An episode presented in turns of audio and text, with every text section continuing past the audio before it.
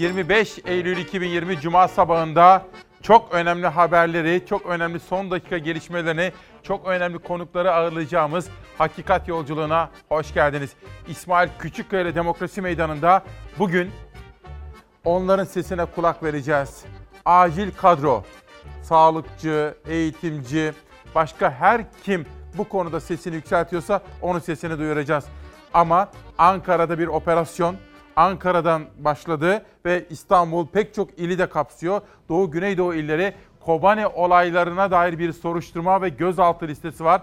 Aralarında Sırrı Süreyya Önder, Ayhan Bilgen gibi isimler de listede. Arkadaşlarım şu anda bu konuyu araştırıyorlar. Teyit edilmiş en son bilgilerle sizlere aktaracağım. Ama önce normal akışımızı kısacık bir özetlemek istiyorum. Günaydın Türkiye'm. Şimdi acil kadro diyoruz. Bir gün gazetesi manşetiyle başlıyoruz. Tekrar etmek isterim. Bugün önemli günlerden birisi ve bir operasyon başlatıldı. Ayhan Bilgen'in evine gidildi. Polisler tarafından savcı talimatıyla aramalar yapılıyor. Biliyorsunuz Kars Belediye Başkanı. Onun dışında Sırrı Süreyya Önder bir kere tutuklandı, serbest bırakılmıştı. Kobani olaylarına ilişkin bir operasyon dalgası başlatıldı. Arkadaşlarım ve ben eş zamanlı olarak takip ediyoruz. En güvenilir, en hızlı, en doğru bilgileri sizlere aktaracağım. Ama önce şu normal akışı sizlere eğitimden sağlığa kısaca bir özet yapmak istiyorum. Günaydın, hemen başlıyoruz. Bir gün. Tedarikçiler ödeme alamazken yurttaşlar aşı için sıraya giriyor. İlaç ve aşıda kriz. İlaç şirketlerine ödemeler yapılmazken ABD elçisi sevkiyatın durabileceği tehdidinde bulundu. İddiaya göre sadece tanıdığı olanlar borcunu tahsil edebiliyor. İşte ABD'nin Ankara Büyükelçisi Türkiye'nin Amerikalı ilaç şirketlerine borcunu ödemediğini iddia etmiş ve belki de Amerikan şirketleri Türkiye'ye ilaç göndermeyi bırakacaklar demişti. Bu konuda kaygılar, endişeler ve ABD elçisine tepkiler var. Günün önemli gelişmelerinden bir tanesi Kobane olaylarının na dair gözaltı bu. İki, dün İstanbul'da meydana gelen depremler ve bunun o büyük depreme ilişkin yansımaları, uzman görüşleri yine burada olacak. Eğitim, EBA sistemi, uzaktan eğitim, fırsat eşitsizliği gibi temel konular yine gündem maddelerimiz arasında yer alacak. İstanbul, doğa, tabiat ana bizi uyarıyor. Siz büyük depreme hazır mısınız? İstanbul deprem gerçeğiyle bir kez daha yüzleşti. Uzmanı beklenen büyük İstanbul depremi tetiklenmiş olabilir dedi. 4,2 ile sallanan mega kentte korku arttı. Marmara Denizi'nde Tekirdağ'ın Marmara Ereğlisi ilçesi açıklarında 4,2 büyüklüğünde depreme neden olacak bir fay kırılması yaşandı. Kırılan fay hattı olası İstanbul depremi beklentisinin kaynağı olan fay hattı. Akıllara ilk gelen büyük deprem ihtimalini arttırdı mı sorusu oldu. Marmara'da olan 4,3'lük deprem minimum 7,2 büyüklükte deprem beklediğimiz fayın üzerinde. Yere endişe verici. Bu deprem fayda az da olsa stres değişimine ve mekanik vibrasyona neden olmuş olabilir. Bu da söz konusu fayın tetiklenmesine katkıda bulunabilir. Profesör Doktor Naci Görür beklenen büyük İstanbul depreminin tetiklenmesine katkıda bulunmuş olabilir dedi. Farklı uzmanların birbirinden farklı yorumları dikkat çekti.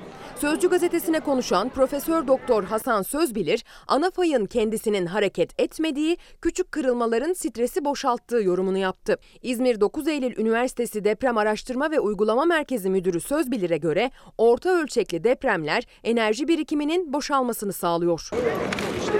Profesör Doktor Övgün Ahmet Ercansa bu depremin peşi sıra büyük bir deprem beklemediğini söyledi. 3,5 ila 6 büyüklüğünde uyarıcı depremlerin 2045 yılı dolaylarına kadar süreceğini bekliyorum diyen Ercan, kentsel dönüşümü bir an önce uygulamak gerekir diye uyardı. Depremin en çok hissedildiği iller İstanbul, Tekirdağ ve Kocaeli'de ise korku tavan yaptı. Neyse ki yetkililere hasar ihbarı yapan olmadı. 4,2 büyüklüğünde dahi olsa geniş çapta hissedilen deprem 16.38'de gerçekleşince mesai çıkış saati yoğunluğuyla deprem korkusunun sokakta yarattığı yoğunluk birleşti. İstanbul trafiği çile haline aldı. 4,2'lik bir depremden sonra dahi trafiğin bu denli artması büyük bir depremden sonra yaşanabilecek kaos ihtimalini akıllara getirdi. 25 Eylül'de Demokrasi Meydanı'nda birinci gündem maddemiz Kobane olayları gözaltı kararı. HDP'li bazı eski milletvekillerine ve bazı belediye başkanlarına yönelik bir operasyon dalgası başlatıldı. Ayhan Bilgen Ağrı Belediye Başkanı evinde arama yapıldığına dair bilgiler geliyor. Arkadaşlarım ve ben de bütün haber kaynaklarımızla konuşma halindeyiz ve oradaki en sağlıklı bilgileri aktaracağım. Günün bu sürpriz gelişmesi beklenmedik. Normal akışımızın dışında son dakikada meydana geldi. Bunu takip ediyorum. En güncel bilgileri sizlere aktaracağım. 1, 2. Deprem yeniden döneceğim. İstanbul o büyük depreme hazır mı? Naci Görür hocamız korkuyor, kaygılanıyor. Neden? Önlemleri almadıysak diye. Aldık mı efendim? Deprem ikinci gündem maddesi.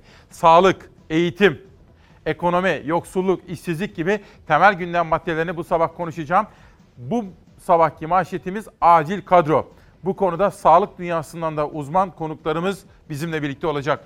Bir gündeki bu ilaç ve aşı krizine döneceğim. Şimdi hürriyete geçiyor. Koronavirüs manşetleriyle devam ediyorum. Firariler yurdu diyor. Hürriyet, karantina kaçaklarının konulduğu İstanbul Sancaktepe'deki İMA'ya kız öğrenci yurduna girdi. Yurttakiler yine firar etmesinler diye kapılarında 85 polis 24 saat boyunca nöbet tutuyor dedi. Özgür Altuncu gitmiş. Bu haberi yerinde incelemiş, araştırmış ve görüntülemiş. Sırada bugüne dair en güncel bilgilerle derleyip toparladığımız koronavirüs haberleri var. İçinde İçişleri Bakanlığı'nın yayınlamış olduğu yeni genelge de var. Bir koronavirüs genelgesi daha yayınlandı. Eksik bilgi vermenin cezası hapis olarak belirlendi. Covid-19 tanısı veya teması olup da söylemeyeni 3 aydan 2 yıla kadar hapis cezası ve adli para cezası bekliyor. Tablo günden güne ağırlaştıkça yeni tedbir ve yaptırımların haberleri de gelmeye devam ediyor. 24 Eylül tablosunda tespit edilen yeni hasta sayısı 1721, ağır hasta sayısı ise 1573'e yükseldi. Sağlık Bakanı Fahrettin Koca son tabloyu yine sosyal medyadan değerlendirdi. Ağır hasta sayımız 1573'e ulaştı. Hastalarda zatürre oranı düşmeye devam ediyor. Bugün tespit edilmiş yeni hasta sayımız 1721. Vefat eden hasta sayısı yine 70'in üzerindeydi tabloda. 74 kişi daha yaşamını yitirdi. İyileşen hastaların sayısı ise arttı, 1241 oldu. Maske takmayanlar için kendi adımıza üzülüyorum. Sağlığımızı riske atıyorlar. İnşallah takarlar. Tablo bu haliyle bile alarm verirken verilerin gerçeği yansıtıp yansıtmadığı ya da hangi anlamı ifade ettikleri tartışmaları sürüyor. İçişleri Bakanlığı ise valiliklere temaslıların doğru bilgilendirilmesi genelgesi gönderdi. Koronavirüs hastası ya da temaslısının örneğin ekonomik kaygılarla işe gitmeye devam edebilmek için eksik ya da yanlış bilgi vermesinin önüne geçmek amaçlandı son genelgeyle. Veya herhangi bir vakayla temasta olunmadığı halde temaslıyım yalanının söylenmesinin önüne geçmek için. Genelgeye göre Covid durumuyla ilgili yanlış ya da eksik bilgi verenler hakkında Türk Ceza Kanunu'nun 206. maddesi gereğince 3 aydan 2 yıla kadar hapis veya adli para cezası verilebilecek. Demek ki bu sabah o sıra dışı beklenmedik gecelerden sonra beklenmedik sabahlardan birisi. Neden? Çünkü Kobane olayları. Tam 6 yıl sonra bir operasyon dalgası başlatıldı. Ayhan Bilgen, Kars Belediye Başkanı'nın evinde arama yapılıyor savcılık talimatıyla. Bunun dışında Sırrı Süreyya Önder'in de aralarında olduğu eski HDP'li vekillere yönelik gözaltı dalgası var. Bilgileri teyit ettikçe sizlere güncellenmiş bilgileri aktarmaya gayret edeceğim. Gelin sosyal medyaya nasıl yansıyor bütün bunlar? Sözcü bir dakika önce Ankara Cumhuriyet Başsavcılığından 7 ilde Kobane operasyonu. Çok sayıda gözaltı var. Gözaltına alınanlar arasında HDP'li eski vekiller de var. Sırrı Süreyya Önder de var efendim. Bakın BBC News. Kars Belediyesi eş başkanı Ayhan Bilge'nin evinde polisin arama yaptığı aktarıldı. Bütün bunlar şu anda son dakika gelişmesi ve biz bütün detayları sizlere aktaracağız ama teyit edilmiş, doğrulanmış en güncel bilgilerle. Sonra da bunu yorumlayacağız. Tam 6 yıl sonra meydana gelen bir Kobane olayları soruşturmasında gözaltı dalgası bu sabahın gündeme taşımış olduğu ana gündem maddelerinden birisi. Bunun dışında İsmail Küçükkaya Demokrasi Meydanı'nda İstanbul depremi, yapmamız gerekenler eksik bıraktıklarımız, koronavirüs, yapmamız gerekenler eksik bıraktıklarımız ve eğitim gibi temel gündem maddelerini konuşacağım. Ve bir gün hürriyet derken sıra geldi pencereye. Depremleri önceden bilen adam konuştu. Yeri endişe verici. Beklenen büyük deprem nedeniyle sürekli diken üstünde olan İstanbul 4.2 ile sallandı. Şehrin birçok noktasında hissedilen sallantı hafifti ama uyarı ciddiydi. Profesör Doktor Naci Görür deprem için endişe verici dedi. Lütfen can kulağıyla dinleyiniz. Lütfen. Deprem Marmara açıklarında meydana geldi. Can ve mal kaybı olmadı. Ancak son yıllarda meydana gelen depremlerin yerlerine ve büyüklüklerine ilişkin isabetli tahminler yapan Profesör Doktor Naci Görür'ün değerlendirmesi endişe yarattı. Profesör Naci Görür, sarsıntı minimum 7.2 büyüklükteki deprem beklediğimiz fayın üzerinde. Yeri endişe verici. Bu deprem fayda az da olsa stres değişimine ve mekanik vibrasyona neden olmuş olabilir. Bu da söz konusu fayın tetiklenmesine katkıda bulunabilir diyor efendim. Bu ana gündem maddelerimizden birisi olacak. Hatırlarsanız Ekrem İmamoğlu ile sözleşmiştik. Ekim ayı içerisinde yalnızca depremi konuşacağımız özel bir yayında burada Demokrasi Meydanı'nda buluşacaktık. Hatırlıyorsunuz değil mi? Sadece depremi konuşacağız. Bu defa geldiğinde Ekim'in ortasında veya sonunda programlarımızı çakıştırdığımız zaman Ekrem İmamoğlu'yla sadece depremi konuşacağız. Bir de eğitim şartlayacağız. Eskiden okulda sınavlar nasıl yapılıyor? Öyle olacak. Yani çocuklarımız belli saatlerde okulda yüz yüze sınava girecekler. Yani okulun içinde e, okul yönetimleri bu sınavları kendileri organize edecek. Diyelim ki sabah geldiniz veya ondan bir saat sonra tekrar başka bir sınava girebilirsiniz. Okulda böyle oluyor bu zaten. E, veya sınav haftası gibi bir şey oluyor. O sıra sınavlar yapılıyor okullarda. Yani sınav yüz yüze. Tabii tabii. yüz Uzaktan yüze. eğitimde sınav yüz yüze. Tabii ki. Kesin ve net. Evet. Peki. Okullarda öğretmenlerimiz, okul yöneticilerimiz bu sınavları daha önce nasıl yapıyorlar? Öyle yapacaklar. Yani merkezi bir sınav yapmayacağız. Yapmayacaklar. Evet. Çocuklar, aileler, öğretmenler ilk kez karşılaştılar. Şimdi öyle bir dönemde hadi sınava herkes demek bize çok doğru gelmedi.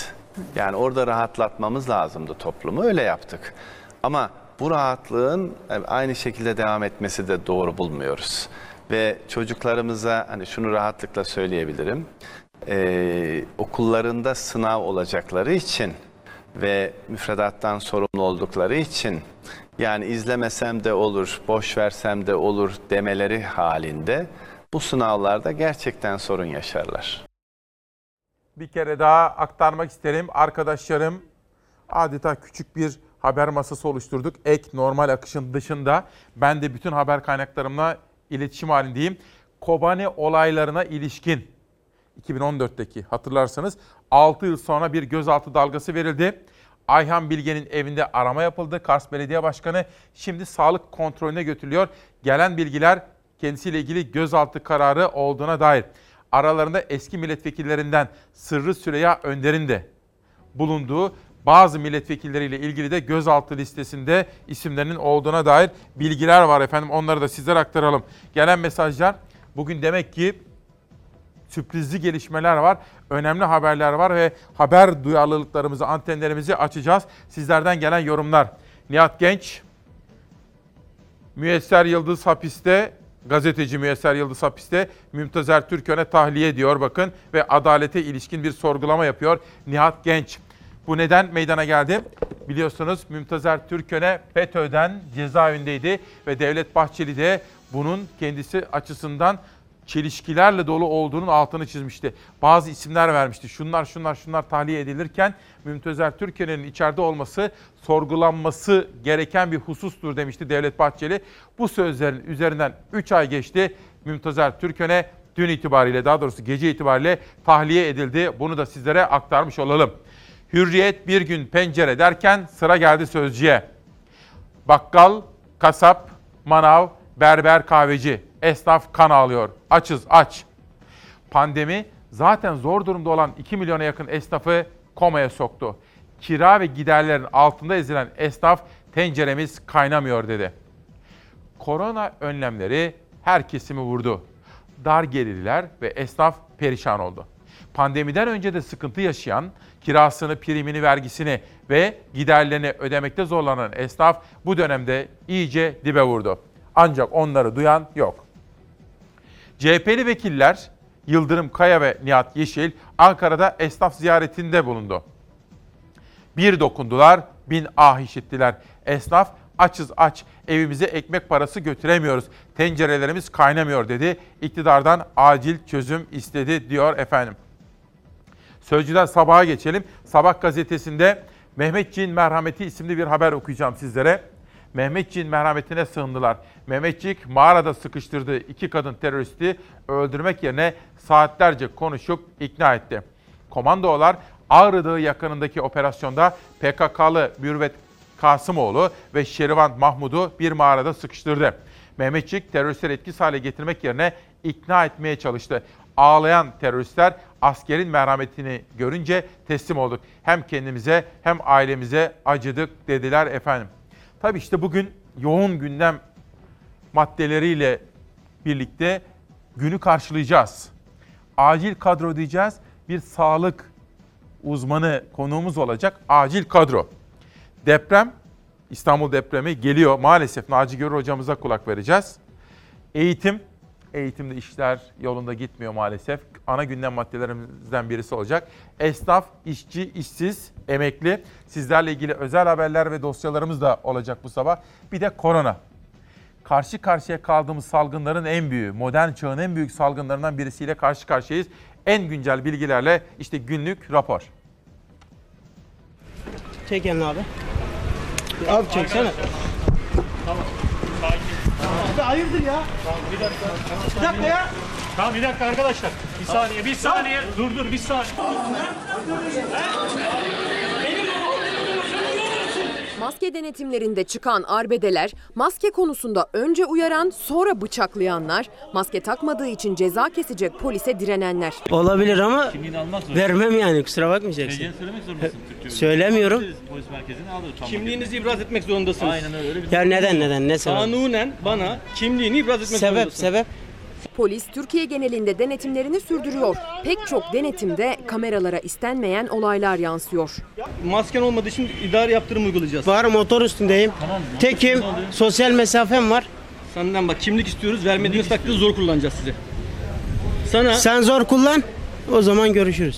Polisin maskesiz olduğu için ceza yazmak istediği motor kurye kimliğini vermedi. Üstüne polisi tehdit etti. Bu görüntüler İstanbul Tuzla'dan. Ekipler zor kullanarak motordan indirdiği kuryeyle uzun süre uğraştı. Teşkilatın numarasını gönderin bana ya. Eniştemin numarasını gönderin. Denetimlerde en sık karşılaşılansa sigara içiyorum bahanesi oldu. Çenemde dedi ki çenemin burnumun altındaydı. Sigara Sigarayı nasıl burnunuzla mı içiyorsunuz? Beyefendi sigara içiyorum diyorum. Bakın sigara içiyorum. anlaşalım. Sigarayı içmeniz yasak değil. Evet. Maskenizi çenenizde şu anki Evet. haliyle taşıdığınız için Evet. kapatır mısınız? Heh, Kapattım. Şu an böyle olacak maske. Edirne'deki maske denetiminde ise ortalık karıştı. İki kişi polise kimlik göstermek istemedi, hakaret etti. Polis zor kullanarak etkisiz hale getirdi iki vatandaşı. Polisin yere yatırarak etkisiz hale getirdiği şüpheliye tekme atan esnafsa polisi en çok kızdıran oldu. Çıkan arbedede iki polis yaralandı. Polise hakaret eden ve mukavemette bulunan iki kişi gözaltına alındı. Bursa'da ise maske yüzünden çıkan tartışma arbedeye dönüştü, bıçaklar çekildi. Evet maske. Önce takacağım. Elindeki maske benim bir işime yarar mı? Osman Gazi'de halk otobüsü şoförü İzzet Ç, maskesiz olduğunu fark ettiği yolcuya kapıyı açmadı. Sözlü uyarı tartışmaya, tartışma kavgaya döndü. Savaş B, otobüs şoförü tarafından bıçaklandı. Şoför İzzet Ç, kasten öldürmeye teşebbüs suçundan tutuklandı. Maske eğer doğru ve düzenli kullanılırsa can kurtarıyor. Maske yüzünden çıkan kavgaysa neredeyse bir cana mal oluyordu. İşte böyle yoğun bir gündem bizi beklemekte bu sabah. Biz de bütün habercilik duyarlılığımızla antenlerimizi açarak sizlerle selamlaşacağız. Yurt dışında şu anda Selin Çarmıklı Kozak da memleketimize esenlik dileklerini gönderiyor efendim. Biz de kendisine, çocuklarına, ailesine, sevdiklerine selam söylüyoruz. İşte bugün tabii dünyanın dört bir tarafından bizimle birlikte hasret gideriyor insanlar. Çalar ailesi olmak böyle bir şey. Bugün acil kadro dedik. Bakınız İsmail Bey, yalnız kadro Adalet Bakanlığı, Sağlık Bakanlığı gibi birçok pro, bakanlığın problemi diyor. Bir bütün olarak ele alın. Zaten efendim sağlıkçı acil kadro demedik. Acil kadro dedik. Selin, 2019 KPSS ve BESYO öğretmenlerinin bakın talepleri. Bugün acil kadro diyerek onların haklı seslerine kulak vermeye gayret ediyoruz. Gazete yolculuğumuzda sıra geldi sabahtan sonra Cumhuriyet'e. Sendika karşıtı işveren sendikadan istifa eden emekçilere ikişer bin lira dağıttı. İşçiye zekatla rüşvet. Bir Mustafa Çakır haberi. Sendika karşıtlığı sınır tanımadı. İstifa etmeyen işçiyi tehdit eden işveren dini alet etmekten de kaçınmadı. Bursa'da 400 işçinin çalıştığı Tekmis Tekstil işvereni Türk İş'e bağlı HESKİF'te örgütlenen işçilere önce fabrikayı kapatırım tehdidi savurdu. Ardından sendikalı olmayan ya da istifa eden az sayıda işçiye zekat veriyorum diye ikişer bin lira dağıttı. Eksik maaş alan ve sigorta primleri de eksik yatırılan işçiler bir buçuk yıl önce sendikalı oldu. Sendika kısa bir sürede yetki almasına karşın işveren bu kez de toplu sözleşme yapmamak için direndi. Sonunda sözleşme yüksek hakem kurulunca bağıtlandı. Sendikalı işçileri ücretsiz izne çıkaran işveren emekçileri daha uzun süreler çalışmaya da zorladı. Çalışma hayatından bir hak gaspı iddiası da bugün Cumhuriyet Gazetesi'nin manşetinde. Tabii ki deprem, eğitim, sağlık, ekonomi derken hayatın içerisindeki bütün unsurlara, noktalara da ulaşmak istiyoruz. Mesela spor. Galatasaray bu sene Süper Lig'e iyi başladı, formda başladı. Rakiplerine göre iyi de futbol oynuyor, mücadele ediyorlar Fatih Terim'in oyuncuları. Avrupa'da da işler yolunda ama bunu Kara Kartal için söylemek maalesef mümkün değil. Heyecan verici futbolumuza dönünce açıkçası güzel işler oldu, güzel şeyler oldu. Galatasaray, Beşiktaş, Alanya Spor, UEFA Avrupa Ligi'nde 3 takımımız dün akşam oynanan maçlarda ter döktü. Yüzümüzü tek güldüren Galatasaray oldu. Cimbom rakibini yenerek tur atladı. Beşiktaş ve Alanya Spor'sa havlu attı. UEFA Avrupa Ligi'nde dün akşam 3. eleme turu maçları yapıldı. Galatasaray İstanbul'da Hırvatistan temsilcisi Hajduk Split'i ağırladı. Mücadeleye hızlı başladı sarı kırmızılı takım. İlk yarıda ve ikinci yarıda rakibine yoğun baskı yaptı. Skoru belirleyen goller ikinci yarıda geldi. Çok pozisyon oldu.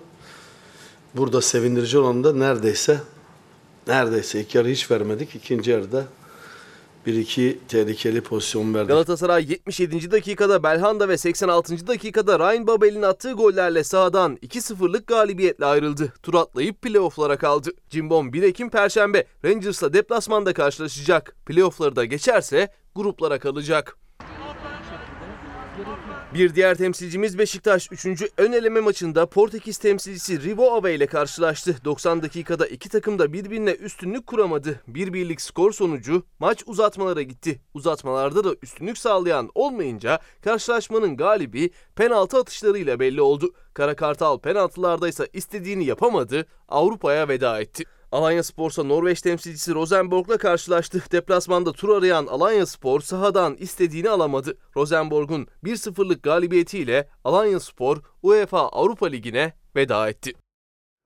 Bugün işte beklenmedik gelişmelerle birlikte akışımız bir parça değişti kusuruma bakmayın çünkü en doğru, en hızlı, en sağlıklı teyit edilmiş bilgiyi sizlere aktarmak istiyorum. Bir taraftan ekip arkadaşlarım, danışmanım, bir taraftan editörüm beni de besliyorlar sağ olsunlar bakın. Son dakikayı basalım Hilal rica edeceğim. Ankara merkezi operasyon kapsamında eski HDP milletvekili Sırrı Süreyya Önder'in de aralarında olduğu gözaltı listesi var. 2014'teki Kobane olaylarına ilişkin bu sabah bir operasyon başlatıldı. Sırrı Süreyya Önder, Kars Belediye Başkanı Ayhan Bilgen. Bunların dışında bakın başka kimler var? Şöyle bir bakayım. HDP'li eski vekiller, belediye başkanları ve HDP'nin eski MYK üyeleri de var efendim. Altan Tan, Emine Ayna, Ayla Akat Ata da bulunuyor gözaltı listesinde. Eski HDP milletvekili Altan Tan, şimdi Cumhuriyet Gazetesi'nden okuduğum bir habere göre evimden gözaltına alınıyorum dedi. İşte bütün bu gelişmeler son dakika gelişmesi olarak aktarılıyor efendim. Bakın şuraya gelin. Kars Belediyesi eş başkanı Ayhan Bilgen'in evinde arama yapılıyor. Bilgen hakkında 4 günlük gözaltı kararı olduğu belirtiliyor diyor. Arkadaşlarım bu konudaki gelişmeleri takip ediyorlar. Günün ve bence haftanın en dikkate değer gelişmeleri buradan çıkabilir diye tahmin ediyorum. Bu nedir diye aklınıza gelirse yıl 2014 Kobane olayları ve şimdi yıl 2020 bir operasyon teyit edilmiş bilgilerle ne olduğunu anlayacağım. Anladıktan sonra reklam arasında da konuşup sizlere en sağlıklı bilgileri verip ve ben de kendi yorumumu sizlerle paylaşacağım. Cumhuriyet'ten son haber. Son Haber Gazetesi Eskişehir'den engellilere kota şoku. TCDD'nin engellilerin ücretsiz seyahat hakkına gizli kota uygulaması başlatmasına tepki gösteren CHP milletvekili Utku Çakırözer, kanuna aykırı bu kota uygulaması kabul edilemez dedi. Biz bu konuyu da takip listemize aldık. Size söz veriyorum. Bir sonraki gazetem de yerel gazete. Antalya'dayız, Akdeniz'deyiz bu kez. Bir yılda 2 milyon işsiz. Türkiye'de son bir yılda 1 milyon 981 bin kişinin işini kaybettiğini söyleyen Birleşik Kamu İş Konfederasyon Genel Başkanı Mehmet Balık, ailelerin %61,5'u borç ve taksit ödemelerinin getirdiği yükten şikayetçi. Türkiye nüfusunun %21,3'ü yoksul olarak tanımlanmaktadır diyor. İşte bakın Türkiye'nin bir numaralı sorunu nedir efendim? Bana söyler misiniz? Bizim yurdumuzun en önemli sorunu nedir? Halkımızın en büyük derdi işsizlik, yoksulluk, gelir dağılımı adaletsizliği. Yani bu zengin ülkenin kaynaklarını adil paylaşamamış olmak. Yani insanlarımızın, halkımızın bir bölümünün ciddi manada yoksulluk ve işsizlik gibi sorunlarla mücadele etmesi. Dünyada meydana gelen korona ilişkin haberlerle manşet yolculuğumuz devam ediyor. Putin koronavirüs aşısını Birleşmiş Milletler çalışanları için ücretsiz dağıtmayı teklif etti. Birleşmiş Milletler Genel Sekreteri teklifi değerlendiriyoruz dedi. İspanya'da hükümetin koronavirüs tedbirlerine tepki büyüyor. Fransa'da günlük vakalar 16 bini geçti. Karantina uygulaması kapıda. Koronavirüs bulaşma hızını artırdı. Dünya genelinde vaka sayısı 32,5 milyona tırmandı. Can kayıpları 1 milyona yaklaştı. 24 milyon insan hastalığı yenmeyi başardı.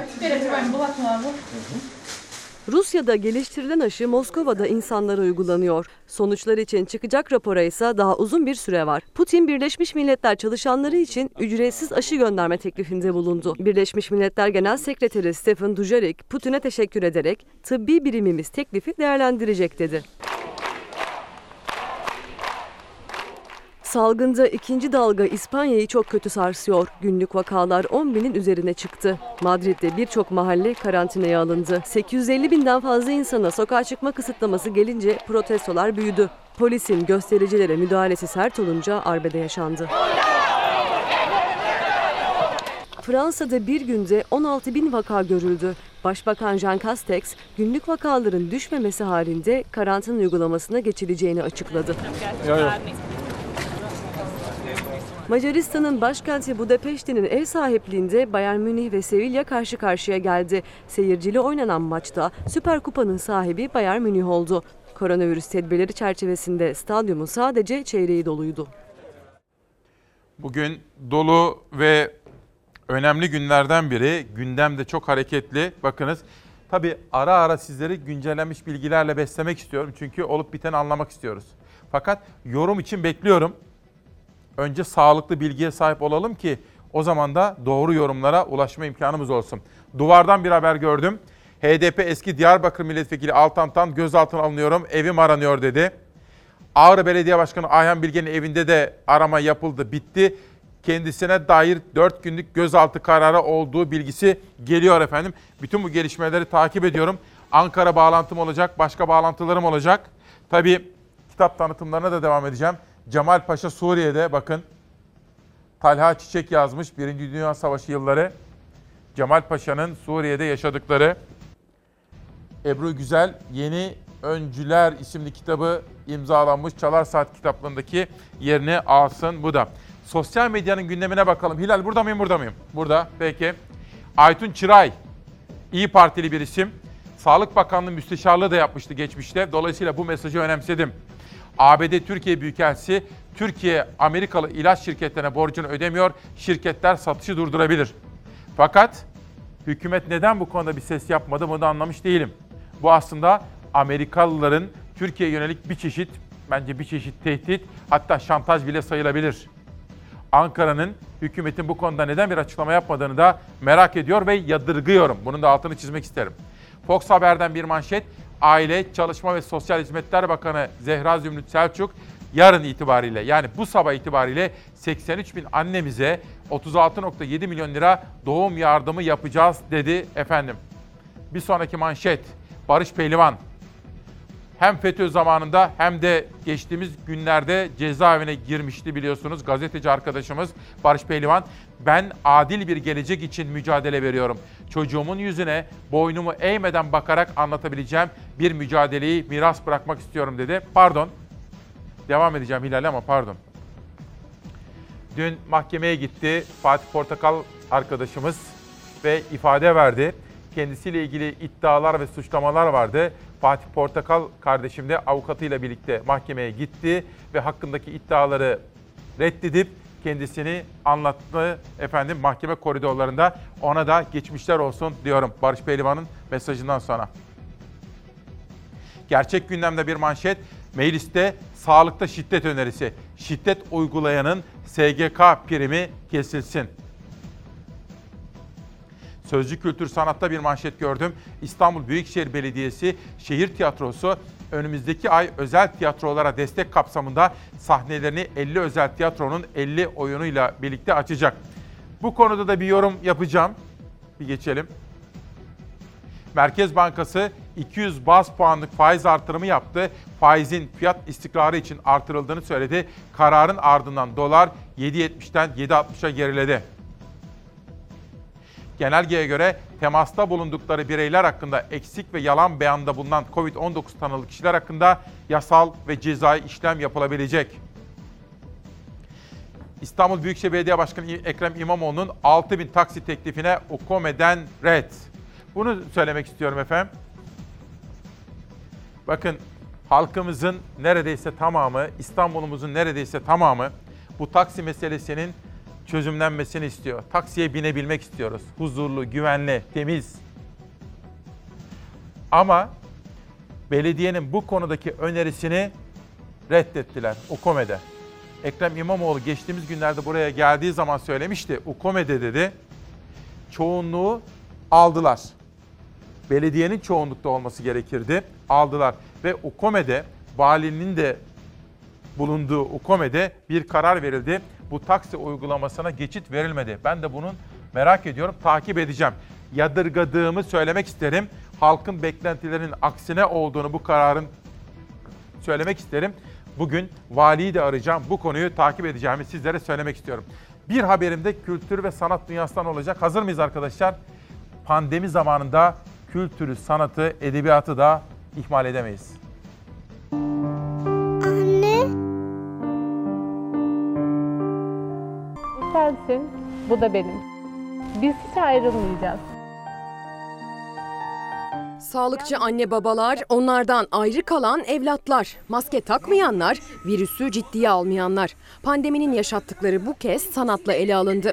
Kaldırımı tiyatro sahnesine çeviren sanatçılar bilinçlendirmek için bu kez tiyatroyu kullandı. Senin masken var ama boğazının altında. Bir öğretmen tarafından çekilen kısa filmde ise sağlık çalışanı annesinden ayrı kalan bir çocuğun gözünden içinde bulunduğumuz zor dönem anlatıldı. Yalnız ben yanında yokken ayıcık bombana sarılmanı istiyorum.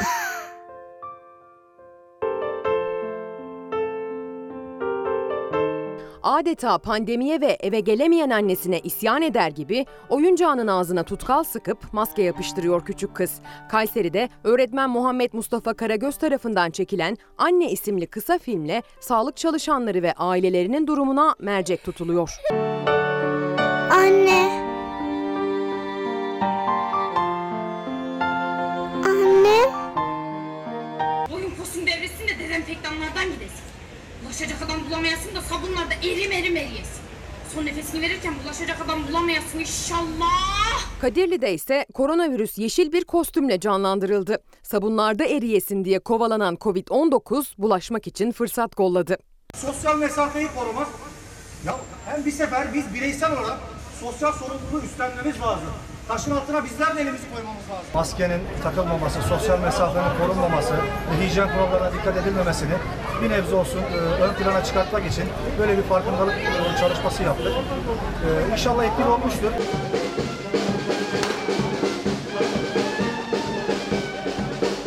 maske takmayanlar için kendi adımıza üzülüyorum.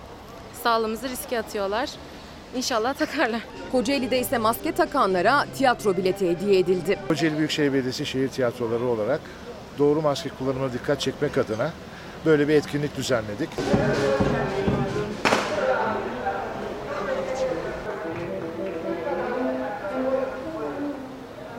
Sorumsuz insanlara çok kızıyorum. Hem kendilerine saygısı yok hem e, diğer kişilere saygıları yok diye düşünüyorum. Takmayanı cezalandırmanın aksine tiyatro oyuncuları maskesini doğru kullananı sanatla ödüllendirdi. Tedbirlere uymak konusundaki farkındalığı sanatla arttırmaya çalışan tiyatrocular gülümsetti. Tabii kitap, şiir, müzik, sanat, edebiyat en azından ruhumuza iyi gelir öyle değil mi? Tedavi edici yönleri vardır. Efendim günün ve sabahın en dikkat çekici manşeti gündem değişti biraz kusura bakmayın ama vermek istiyorum sizlere bütün haberleri. Yeni Şafak bakın. Ankara Cumhuriyet Başsavcılığı'nın gözaltı kararı verdiği isimler arasında Sırrı Süreyya Önder, Altan Tan, Emine Ayna, Ayla Akat, Ata ve Ayhan Bilgen de bulunuyor. Süper Haber'de HDP'li eski vekiller de gözaltı kararı verilenler arasında diyor. Sizlere bütün haber kaynaklarımızdan gelen haberleri de aktarayım. Ama şunu da söyleyeyim bir dakika bunun dışında da bakın. Muğla Büyükşehir Belediye Başkanı Muğla Büyükşehir Belediye Başkanı sit alanları imara açıldı. Gökova Körfezi'ni parsel parsel satacaklar diyor bakın. T24 bunu 8 dakika önce paylaşmış. Tekrar okuyalım. Muğla Büyükşehir Belediye Başkanı konuşmuş. Sit alanları imara açıldı. Gökova Körfezi'ni parsel parsel satacaklar diyor bakın. Bu da önemli gelişmelerden biri. Tabii dünyadaki manşetlere de bir bakalım. Hilal gelsin yabancı gazeteler. Şu bilgiyi de vereyim. Amerika'nın en çok tanınan kadın siyasilerinin başına gelen Pelosi var. Nancy Pelosi. Çok önemli, çok etkili bir kadın. Trump'a ne dedi biliyor musunuz? Sayın Başkan dedi, burası Türkiye değil dedi. Burası gerçek bir demokrasi. Burası Amerika Birleşik Devletleri dedi. Dün gece sizler uyurken Pelosi Trump'a böyle seslendi. Tekrar edeyim mi? Trump'a dedi ki Pelosi, biliyorsunuz Kasım'da seçimler var. Sayın Başkan dedi, burası Türkiye değil, burası gerçek bir demokrasi dedi. Bakalım buna hangi yanıtlar gelecek? Ankara'dan, başkentimizden de bir açıklama gelecek mi? Merak ediyorum. Gelişmeleri Amerika'daki seçimleri de dikkatle yakından izliyoruz.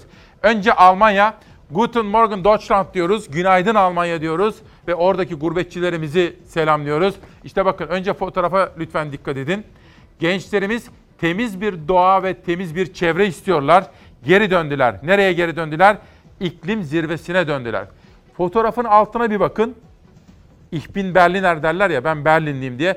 Berlin'de koronaya karşı alınan tedbirler kapsamında kısıtlamalar artırılıyor. Çünkü dünyanın bütün ülkelerinde korona vakaları patladı. Almanya'dan Fransa'ya geçiyorum. Le Monde gazetesinin manşetinde Covid-19 haberi var. Hükümet Fransa genelinde de kısıtlamaları sıkılaştırıyor. Haberin devamında okuduğunuz zaman şunu görüyorsunuz ki vaka sayısı 10 binleri aştı. Fransa'da efendim onun da altını çizmiş olalım. Peki bir soru soracağım. Buraya iki gün önce İsmail Küçükkaya Demokrasi Meydanı'na tam da buraya Ali Babacan geldi. Dün de Özgür Özel geldi buraya. İkisinin Şimdi haberi izlerken siz de hafızanızı canlandırın. İleride hani 100 yaşımızdan sonra Alzheimer olmamak için ne yapacaktık? Zihin egzersizi yapacağız. Böyle sabahları konuşacağız. Evde yalnız bile olsak değil mi? Konuşacağız, sohbet edeceğiz, selamlayacağız birbirimizi ve düşüneceğiz. Kafayı çalıştıracağız. Trump mı diyoruz? Ekonomi haberi vardı. Ekonomiyi alalım. Ekonomi. Ekonomi haberi alalım. Heh. Hilal dedi ki Trump haberi hazır dedi. Trump'ı sonra vereceğiz. Önce ekonomi. Hilal şu. Haberi izlerken zihninizi çalıştırmanızı rica edeceğim. Özgür Özel'le Ali Babacan'ın Türkiye'deki güncel ekonomik gelişmeler hakkındaki ortak kanaati neydi? Sadece Cumhurbaşkanlığı hükümet sisteminde 1 dolar 4,5 liradan 7.7 yüzde 68 arttı. 24'ünde siz bu kardeşinize yetkiyi verin. Ha, ondan sonra bu faizle şunla bunla nasıl uğraşılır göreceğiz. Verin yetkiyi bu kardeşinize göstereyim diyordu. Gördüğümüz bu. Doları 7.7 liraya getirdi. Cumhurbaşkanlığı hükümet sistemi başladı başlayalı ülke fakirleşiyor. Bugünler daha iyi günler bakın. Son haftalarda tırmanışa geçen dolar euro artışına Merkez Bankası Mayıs ayından bu yana değiştirmediği faiz artışıyla cevap verdi. Faizler 2 puan arttı. 10.25 oldu. Muhalefet dövizdeki artıştan enflasyon, işsizliğe kadar faturayı 2018'de geçilen partili Cumhurbaşkanlığı hükümet sistemine keserken Ordu Milletvekili Cemal Enginyurt parlamenter sisteme dönüş olacak çıkışı yaptı. Şu anki Cemal, yapıda yüzde elli nokta bir hayal hayal. Evet, Şimdi yüzde elli nokta biri alma şansı yok. Hukuki bir kılıf bulunacak.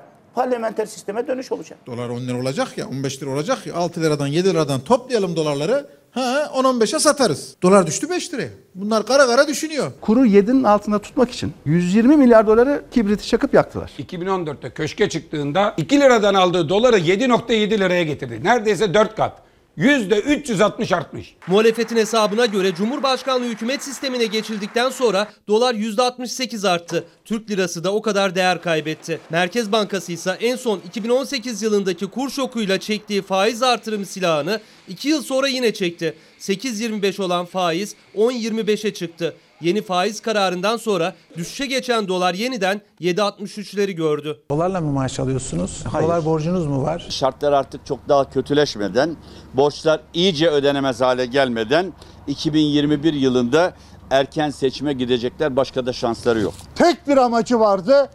Cumhurbaşkanlığı sisteminde Cumhurbaşkanı olmaktı. Şu anda Türkiye ekonomide pik yapıyor. Dibe değil tavana. Ekonomi pik yaptı. Bundan dolayı dolar da 7.60'ı geçti. O da pik yaptı. Euro 9'u vurdu. O da pik yaptı. Yılın 3. çeyreğine ilişkin son veriler olumlu gelmeye devam ediyor. Kapasite kullanım oranı 74.6 seviyesine çıktı. Yılı beklentilerin üzerinde tamamlayacağız. Ekonomi yönetimi iyimser, muhalefet kötümser. Ekonomi tartışmalarına şimdi bir de parlamenter sisteme dönüş olacak mı sorusu eklendi.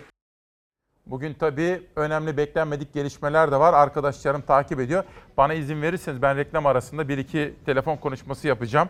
Hemen ondan sonra en sağlıklı bilgileri sizlere aktaracağım efendim. Osman kardeşim bana bir soru soruyor. Diyor ki Fatih Portakal'a geçmiş olsun diyor. Selçuk Tepeli ile ilgili bir soru soruyor. Selçuk kardeşimle ilgili. Bakın Berat Albayrak önce şu mesajı okumak isterim. Barış Terkoğlu hakkında suç duyurusunda bulundu. T24'te bir manşet gazeteci. FETÖ zamanında cezaevine girmişti. Kumpaslar sonucunda şimdiki hükümet zamanında bir kere daha cezaevine de girdi. Şimdi Osman Bey kardeşime şunu söyleyelim. Fatih Portakal kardeşim dün hakim karşısına çıktı. Hapis istemli bir sorgulama karşısında. Ona geçmiş olsun dedim. Selçuk Tepeli de bizim Fox'umuzun yeni mesai arkadaşımız. Fox ana haberinin ana haber enkırmeni. Ona da içtenlikle başarılar diliyorum. Geçmişteki tecrübeleri, çünkü gazete yönetmiş, televizyon yönetmiş bir arkadaşımızdır ve onun bilgi birikimi, tecrübesi onu bu görevi hakkıyla yapacak konumda tutacaktır diyorum. Bütün kalbimle onu selam diyorum. Ona selam ve başarılar diliyorum efendim. Acil kadro diyoruz. Bir iki kitap tanıtımı, reklam. O arada Kobane olaylarıyla ilgili güncel bilgileri sizlere aktaracağım. Kenan Çavnar, iki teker bir kariyer. Ve Cangir Akşit, yolcu 1854, Kırım. Kırım. Yani şunu söylemeye çalışıyorum arkadaşlar. Bu hani bu görevlerin hepsi gelip geçici. Bizimki de gelip geçici. Ama şimdi Selçuk Tepeli kardeşim görev başladı. Bu bir bayrak yarışıdır. Fatih'ten o aldı. O da daha ileriye taşıyacaktır. Buna hiçbir şüphem yoktur. Günaydın efendim. Hoş geldiniz. Bir cuma sabahında 25 Eylül 2020 Cuma sabahında İsmail Küçükkaya'lı Demokrasi Meydanı'nda. Günaydın. Aslında planımız, akışımız, hazırlığımız bambaşkaydı. Acil kadro dedik. Başta sağlıkçılar ve eğitimciler olmak üzere atama bekleyenlerle ilgili sizlere anlatmak istediklerimiz var idi. Yine var. Sağlıkçıların dışında, eğitimcilerin dışında bunun yansımaları, ekonomiye, esnafa, işsize yansımalarını konuşacaktık. Yine konuşacağız. Ama akışımız bir parça değişti çünkü 6 yıl önce meydana gelen Kobani'deki olaylar nedeniyle bir gözaltı dalgası var efendim. Ve o dalga içerisinde bakın sizlere göstermek istiyorum. Sırrı Süreyya Önder, eski milletvekili. Haber hazır mı? İzleyelim, izleyelim. Evet son dakika gelişmeleri aktarıyorum. Sırrı Süreyya Önder'in polis tarafından gözaltına alındığı bu görüntüyü verebiliyor muyuz arkadaşlar? Heh. Bir izleyelim. Evet. Çok sayıda gözaltı kararı var. Aralarında Ayhan Bilgen Belediye Başkanı, Kars'ın Belediye Başkanı HDP'li. Onun dışında Sırrı Süreyya Önder, çok sayıda eski milletvekili, eski HDP'nin yöneticileri ve eski siyasetçilerle ilgili bir gözaltı dalgası var. Haber hazır mı arkadaşlar? Haberi bir izleyelim.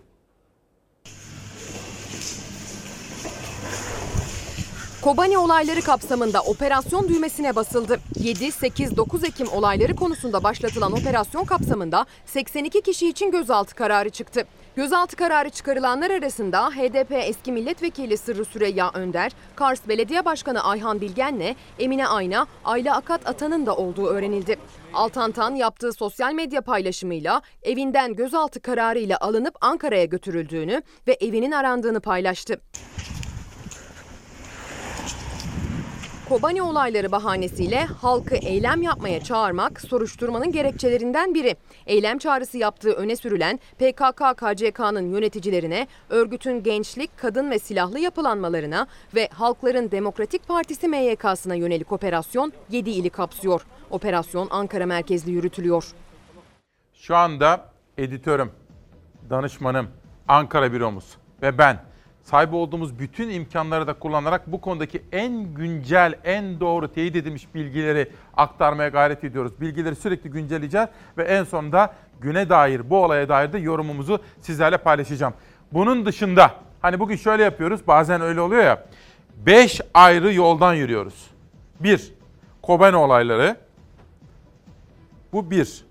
Hemen yanında eğitim. Çocuklarımızın karşı karşıya kaldığı sorunlar, uzaktan eğitim, yüz yüze eğitim, fırsat eşitsizliği, Nazlı Yere Basmaz'ın dün akşam hepimizi ağlatan o haberi. 7 çocuklu bir babanın isyanı, tabletim yok, bilgisayarım yok, internetim yok diyor. 3. Sağlık. İşte biraz sonra paramedikler geliyor buraya. Birebir yaşayanlar, ambulans şoförleri, hemşireler, sağlıkçılar o konulardaki görüşlerini sizlere anlatacak. 4. Ali Babacan'ın dün burada anlattığı, önceki gün. Dün Özgür Özel'in anlattığı ekonomi, esnaf, işsiz, 5 tarım. Bütün bu konuları paralel bir haber yolculuğunda sizlerle paylaşacağım ve şimdi sırada ilaç ve aşı haberi. İşte buyurun bir gün. Tedarikçiler ödeme alamazken yurttaşlar aşı için sıraya giriyor. İlaç ve aşıda kriz. İlaç şirketlerine ödemeler yapılmazken ABD elçisi sevkiyatın durabileceği tehdidinde bulundu. İddiaya göre sadece tanıdığı olanlar borcunu tahsil edebiliyor. Amerika'nın Ankara Büyükelçisi Satterfield, ilaç şirketlerinin Türkiye'den 2.3 milyar dolar alacağı olduğunu, eğer tahsilat yapılamazsa şirketlerin ilaç göndermeyi kesebileceğini söyledi. Buna karşılık Ankara'nın bazı Amerikalı ilaç şirketleriyle pazarlık yaparak şirketlerin alacaklarının bir kısmından vazgeçmeye çalıştığı iddia edildi. Yerli ilaç ve tıbbi ekipman, ekipman satan şirketler de uzunca süredir alacaklı konumda. Order Başkanı Delikanlı, kamu hastanelerinde vadenin üzerinden 16, üniversite hastanelerinde ise vadenin üzerinden 36 ay geçmesine rağmen alacağını tahsil edemeyen şirketler var dedi. CHP'li Emir, iktidarın şirketlerle pazarlığa başladığını söyledi diyor efendim. Bir de her yerde sohbet ediyoruz, konuşuyoruz değil mi? Bu rakamlar doğru muydu, doğru değilse kaçtı vesaire diye. Hepinizin aklında bazı soru işaretleri var. Kiminiz inanıyorsunuz, kiminiz inanmıyorsunuz. Ama yapmamız gereken şu. Rakamlar ne olursa olsun. Benim, Hilal'in, sizin yapmanız gereken şu. Maske, mesafe ve temizlik. Vaka demek belirtisi olsun ya da olmasın hastalığı bulunduran kimse. Ama hasta dediğimiz zaman o hastalığın belirtileri bulunan insandan bahsediyoruz. Hasta dediğimiz sayıda dolayısıyla vaka dediğimiz sayının içinde küçük bir grubu oluşturur sadece. Vaka testi pozitif çıkan ancak belirti göstermeyen, hastaysa durumu daha ciddi olup da hastaneye yatırılan kişi. Koronavirüs tablosundaki vakalara güvensizliğin temel sebebi bu Mehmet Ceyhan'a göre. Aynı görüşte olan hatta bunu ilk açıklayansa İstanbul İl Sağlık Müdürü Kemal Memişoğlu oldu. Şunu ayırmamız lazım. Hasta kliniği olan kişi, vakaysa pozitif çıkan, hastalığı bulaştırma riski olan veya hastalanma riski yüksek olan insan demek. Eğer semptomunuz olursa hasta oluyorsunuz. Yani Türkiye'de ne kadar vaka var bilinmiyor. Mehmet Ceyhan ve İstanbul İl Sağlık Müdürlüğü'nün açıklamalarına göre turkuaz tabloda açıklanan hastaneye yatırılanların sayısı. Örneğin 23 Eylül tablosu 1767 olarak açıklanan rakam aslında Türkiye'deki vaka sayısı değil, hastaneye yatırılanların sayısı. Türkiye'deki vaka sayısı çok daha yüksek.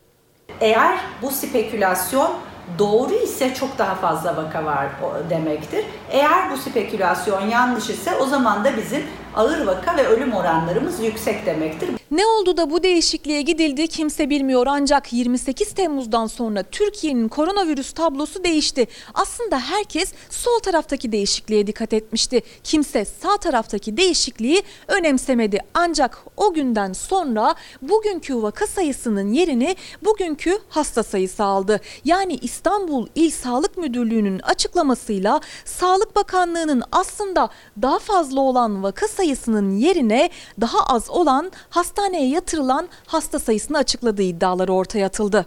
İşte biz vakaların izole edilmesine, hastalarınsa hastanede tedavisini yürütmeye çalışıyoruz. şeffaf bir bilgi paylaşımı olsa e, bunun niye değiştirildiğinin de açıklanması lazım.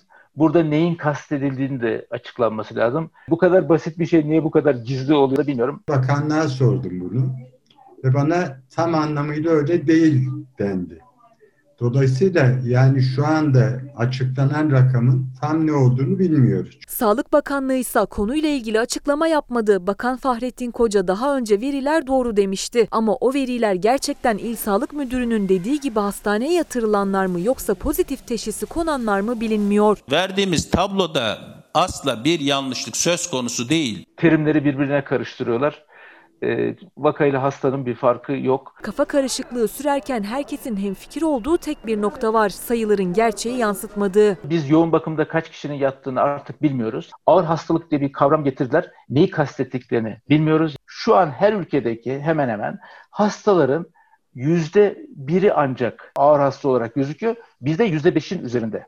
Bu da aktif hasta sayımızın aslında çok daha fazla olması gerektiğini gösteriyor. Benim sürekli söylediğim bizim tespit ettiğimizin en az 10 katı vaka var dediğim sayı o zaman e, testi pozitif olanları kastederek söylenmiş bir laftır. Eğer bu hastaneye yatanlar diye alınırsa o zaman 10 katının da çok üzerinde bir sayı anlamına gelir.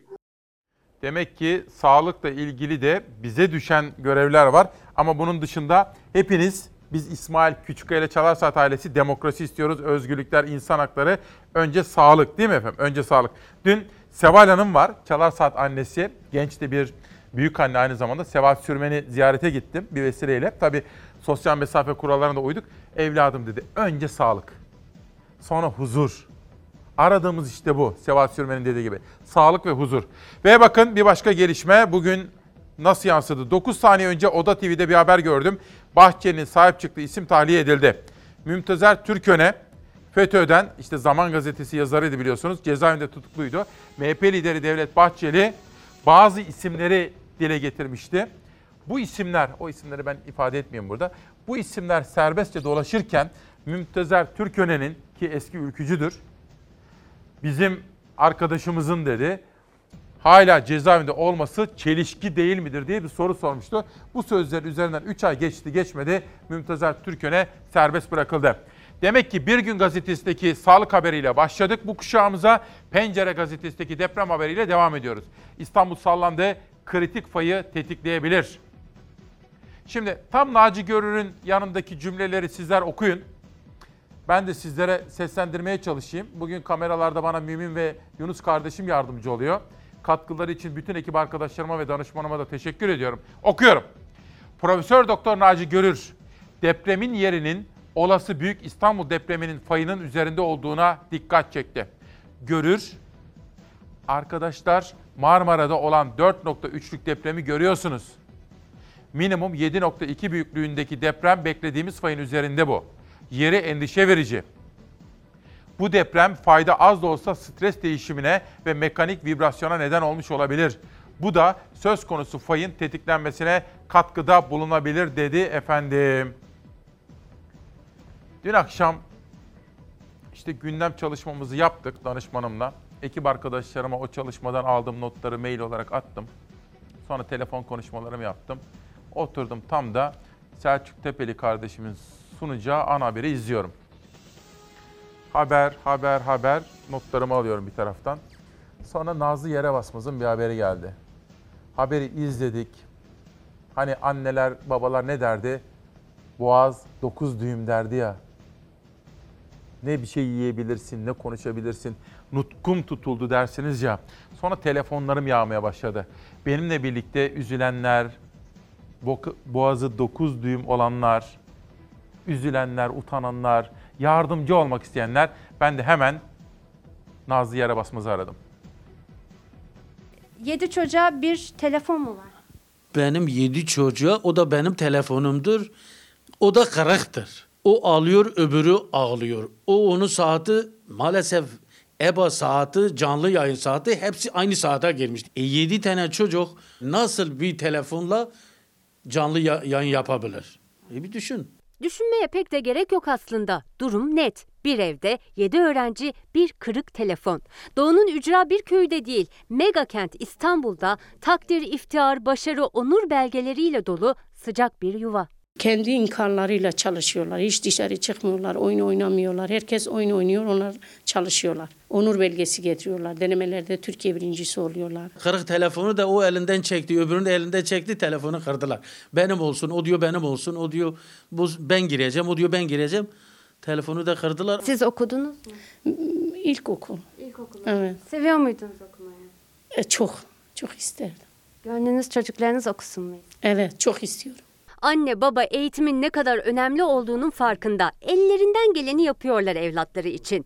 Baba kağıt toplayarak sağlıyor geçimi. Çocuklar çalışkan ve başarılı. Kimseden hiçbir yardım talepleri yok. Sadece pandemide yani beklenmeyen bu olağanüstü durumda devlet arkalarında olacak diye umdular. Kaymakamlıktan, belediyeden, milli eğitim müdürlüklerinden EBA'ya erişiminiz, imkanınız var mı diye sorulur, kapıları çalınır diye beklediler. Olmadı.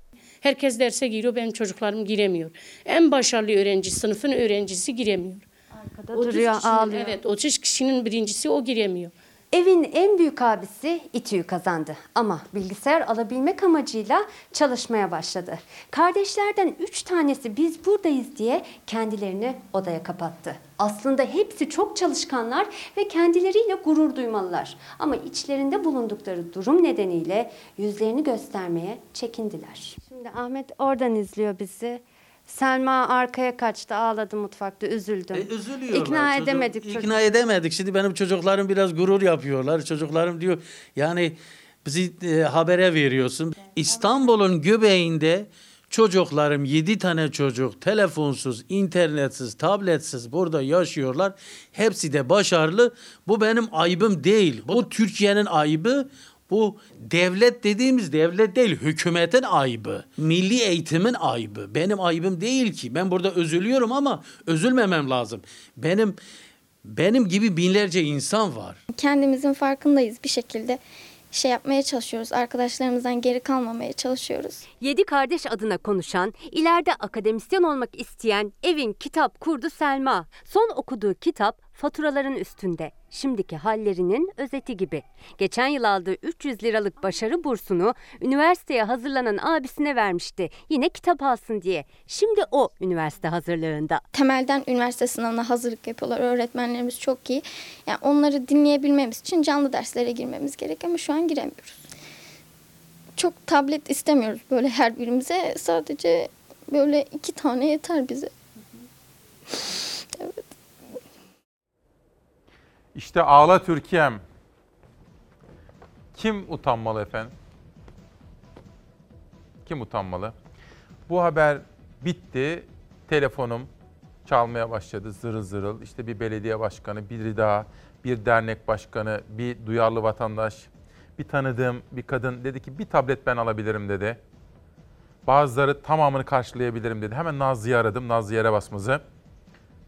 Şu anda Fox'un haberleri de telefonları da kilitlendi dedi. Dedim ki bak bende de çok sayıda isim var. Bu aileye yardımcı olmak istiyorlar dedim.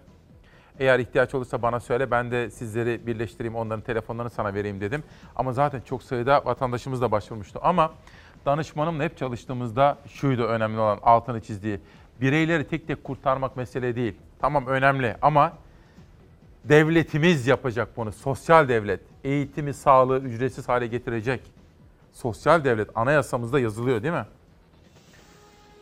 Mustafa Kemal Atatürk ülkemizin kurucu önderi. Zabit ve Kumandan ile Hasbihal isimli kitabıyla Çalar Saat'te büyük önderimizi saygıyla anıyoruz. Ve onun dava arkadaşı, yol arkadaşı, silah arkadaşı Murat Kayadibi İsmet İnönü'yü yazmış bakın. İsmet İnönü atamızın en yakın dava arkadaşlarının başına geliyor. Ve Karar Gazetesi'de bir haber. Bahçeli'nin çağrısından 3 ay sonra tahliye. FETÖ üyesi olduğu gerekçesiyle 10 yıl 6 ay hapis cezası alan yazar Mümtezer Türköne tahliye edildi. MHP lideri Bahçeli 23 Haziran'da Türköne'nin davasının titizlikle değerlendirilmesi çağrısı yaparak dileğim bir haksızlık varsa bunun acilen düzeltilmesidir demişti. Şimdi bu konuyla direkt bağlantı kurmak istemiyorum. Dileyen kurabilir, di, dileyen kurmaz. Yargı bağımsızdır diyebilir. Nasıl istiyorsanız özgür bir iradenizi düşünün, sorgulayın. Ama şunu söyleyeyim, siyaseten Bahçeli bugün Türkiye'deki en etkili siyasi lider pozisyona geldi. Hani eleştiren var, kızan var, destekleyen var ama söylediklerini sakin sakin ısrarla dile getirip somut sonuçlar alıyor. Gördüğümüz budur. Pek çok örnek var. Yani siyasi bir strateji olarak bence mutlaka anlaşılması gereken bir tutum. Karardan yerel gazetelere geçelim. Çanakkale'deyiz, Trakya'da.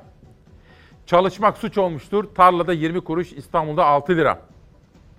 Yenice'de kapya biber üreten üreticiler hem artan maliyetlerle hem susuzlukla ciddi şekilde mücadele etmeye başladı. Bir taraftan su için çabalayan, bir taraftan üretim yapmak isteyen üretici derdini kamuoyuna duyurmak için resmen haykırdı. Tarlada 20 kuruşa alınan kapya biber İstanbul'da 6 liraya satılırken üretici üretmek, çalışmak su oldu değerlendirmesinde bulundu. İşte Türkiye'den bir tarım haberi de böyle karşılık buldu. Efendim şimdi bir haber izleyeceksiniz eğitime dair. Sonra Nihal Kemaloğlu'nun bana en fazla tavsiye ettiği konu şuydu. Danışmanımın. Bir, ilk yardım konusunda da madem bu kadar etkili program, ilk yardım konusunda da eğitici bir duyarlılık sergileyebiliriz. Konuklarımızla, seçtiğimiz haberlerle hatta halkımıza ilk yardımı da öğretebilmeliyiz. Bu bağlamda bize önerdiği konuklardan biri Paramedikler Derneği Başkanı'ydı. Biz onu davet ettik. Hepinizin sağlığını ilgilendiren çok önemli konularda kendisiyle sohbet edeceğiz. Buraya kadar geldi. Editörüm Zeray Kınacı şimdi bana haber veriyor, hazır dedi. Siz EBA haberini izlerken ben de konuğumu huzurlarınıza davet ediyorum. EBA'dan derslerinizi takip edebiliyor musunuz? Hayır. Annem işe gidiyor. Annemin tek telefonu var. O yüzden biz de yapamıyoruz işe gittiğinde. Babalar rahatsız. Hep ben çalışıyorum. Tek çalıştığım için de onların istedikleri olmuyor. Siz ne olmak istiyorsunuz büyüyünce? Polis. Ben YouTuber. Zaten 10 abonem vardı YouTube'da. Video çekiyordum. Oyun videosu çekiyordum. Onları nereden çekip atıyordunuz? Atamıyorduk ki. Ali Kangil vardı. Onlarda internet vardı. Oradan atıyorduk. Arkadaşlarının evindeki internetle gelecek hayalleri kurabiliyordu Enes Versin Köse. Ama o hayallerin gerçekleşmesi için uzaktan eğitim. Uzaktan eğitim için de onların da evinde internete, tablete ihtiyaç var. Asgari ücretle tek başına evi geçindiren anneleri ise o ihtiyaçları karşılayamadı.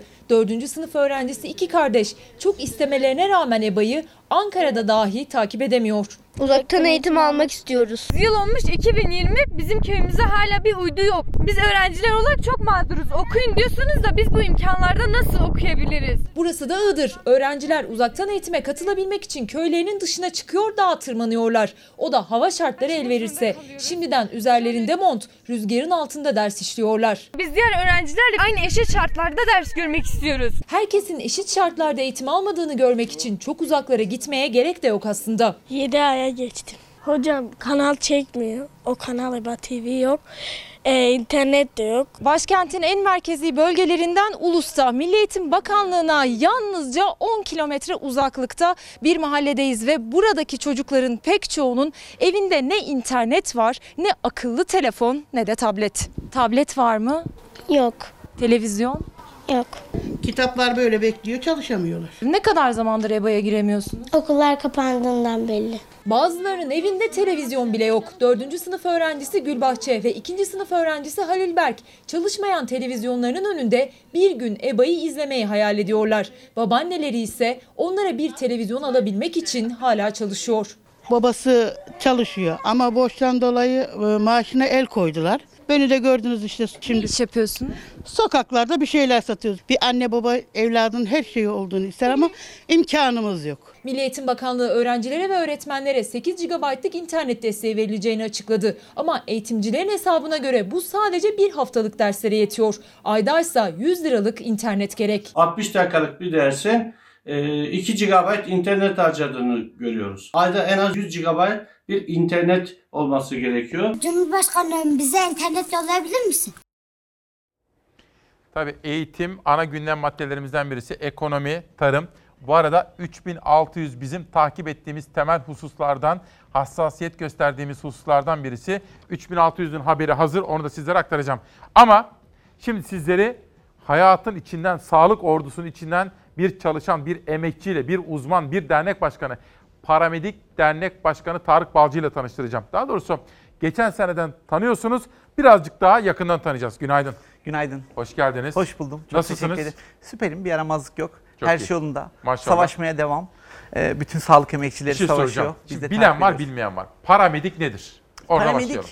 hastane öncesi acil bakımda e, hastalara ve yaralılara kritik girişimler yaparak onların hayati fonksiyonlarının e, devamlılığını sağlayan, yaşam kalitelerinin bozulmamasını sağlayan ve tıbbi girişim yaparak onaylı onaysız ilaçlar uygulayan bir meslek grubu. E, doktor dışında ülkemizde ilaç uygulama yetkisine iradesiyle sahip olan tek meslek.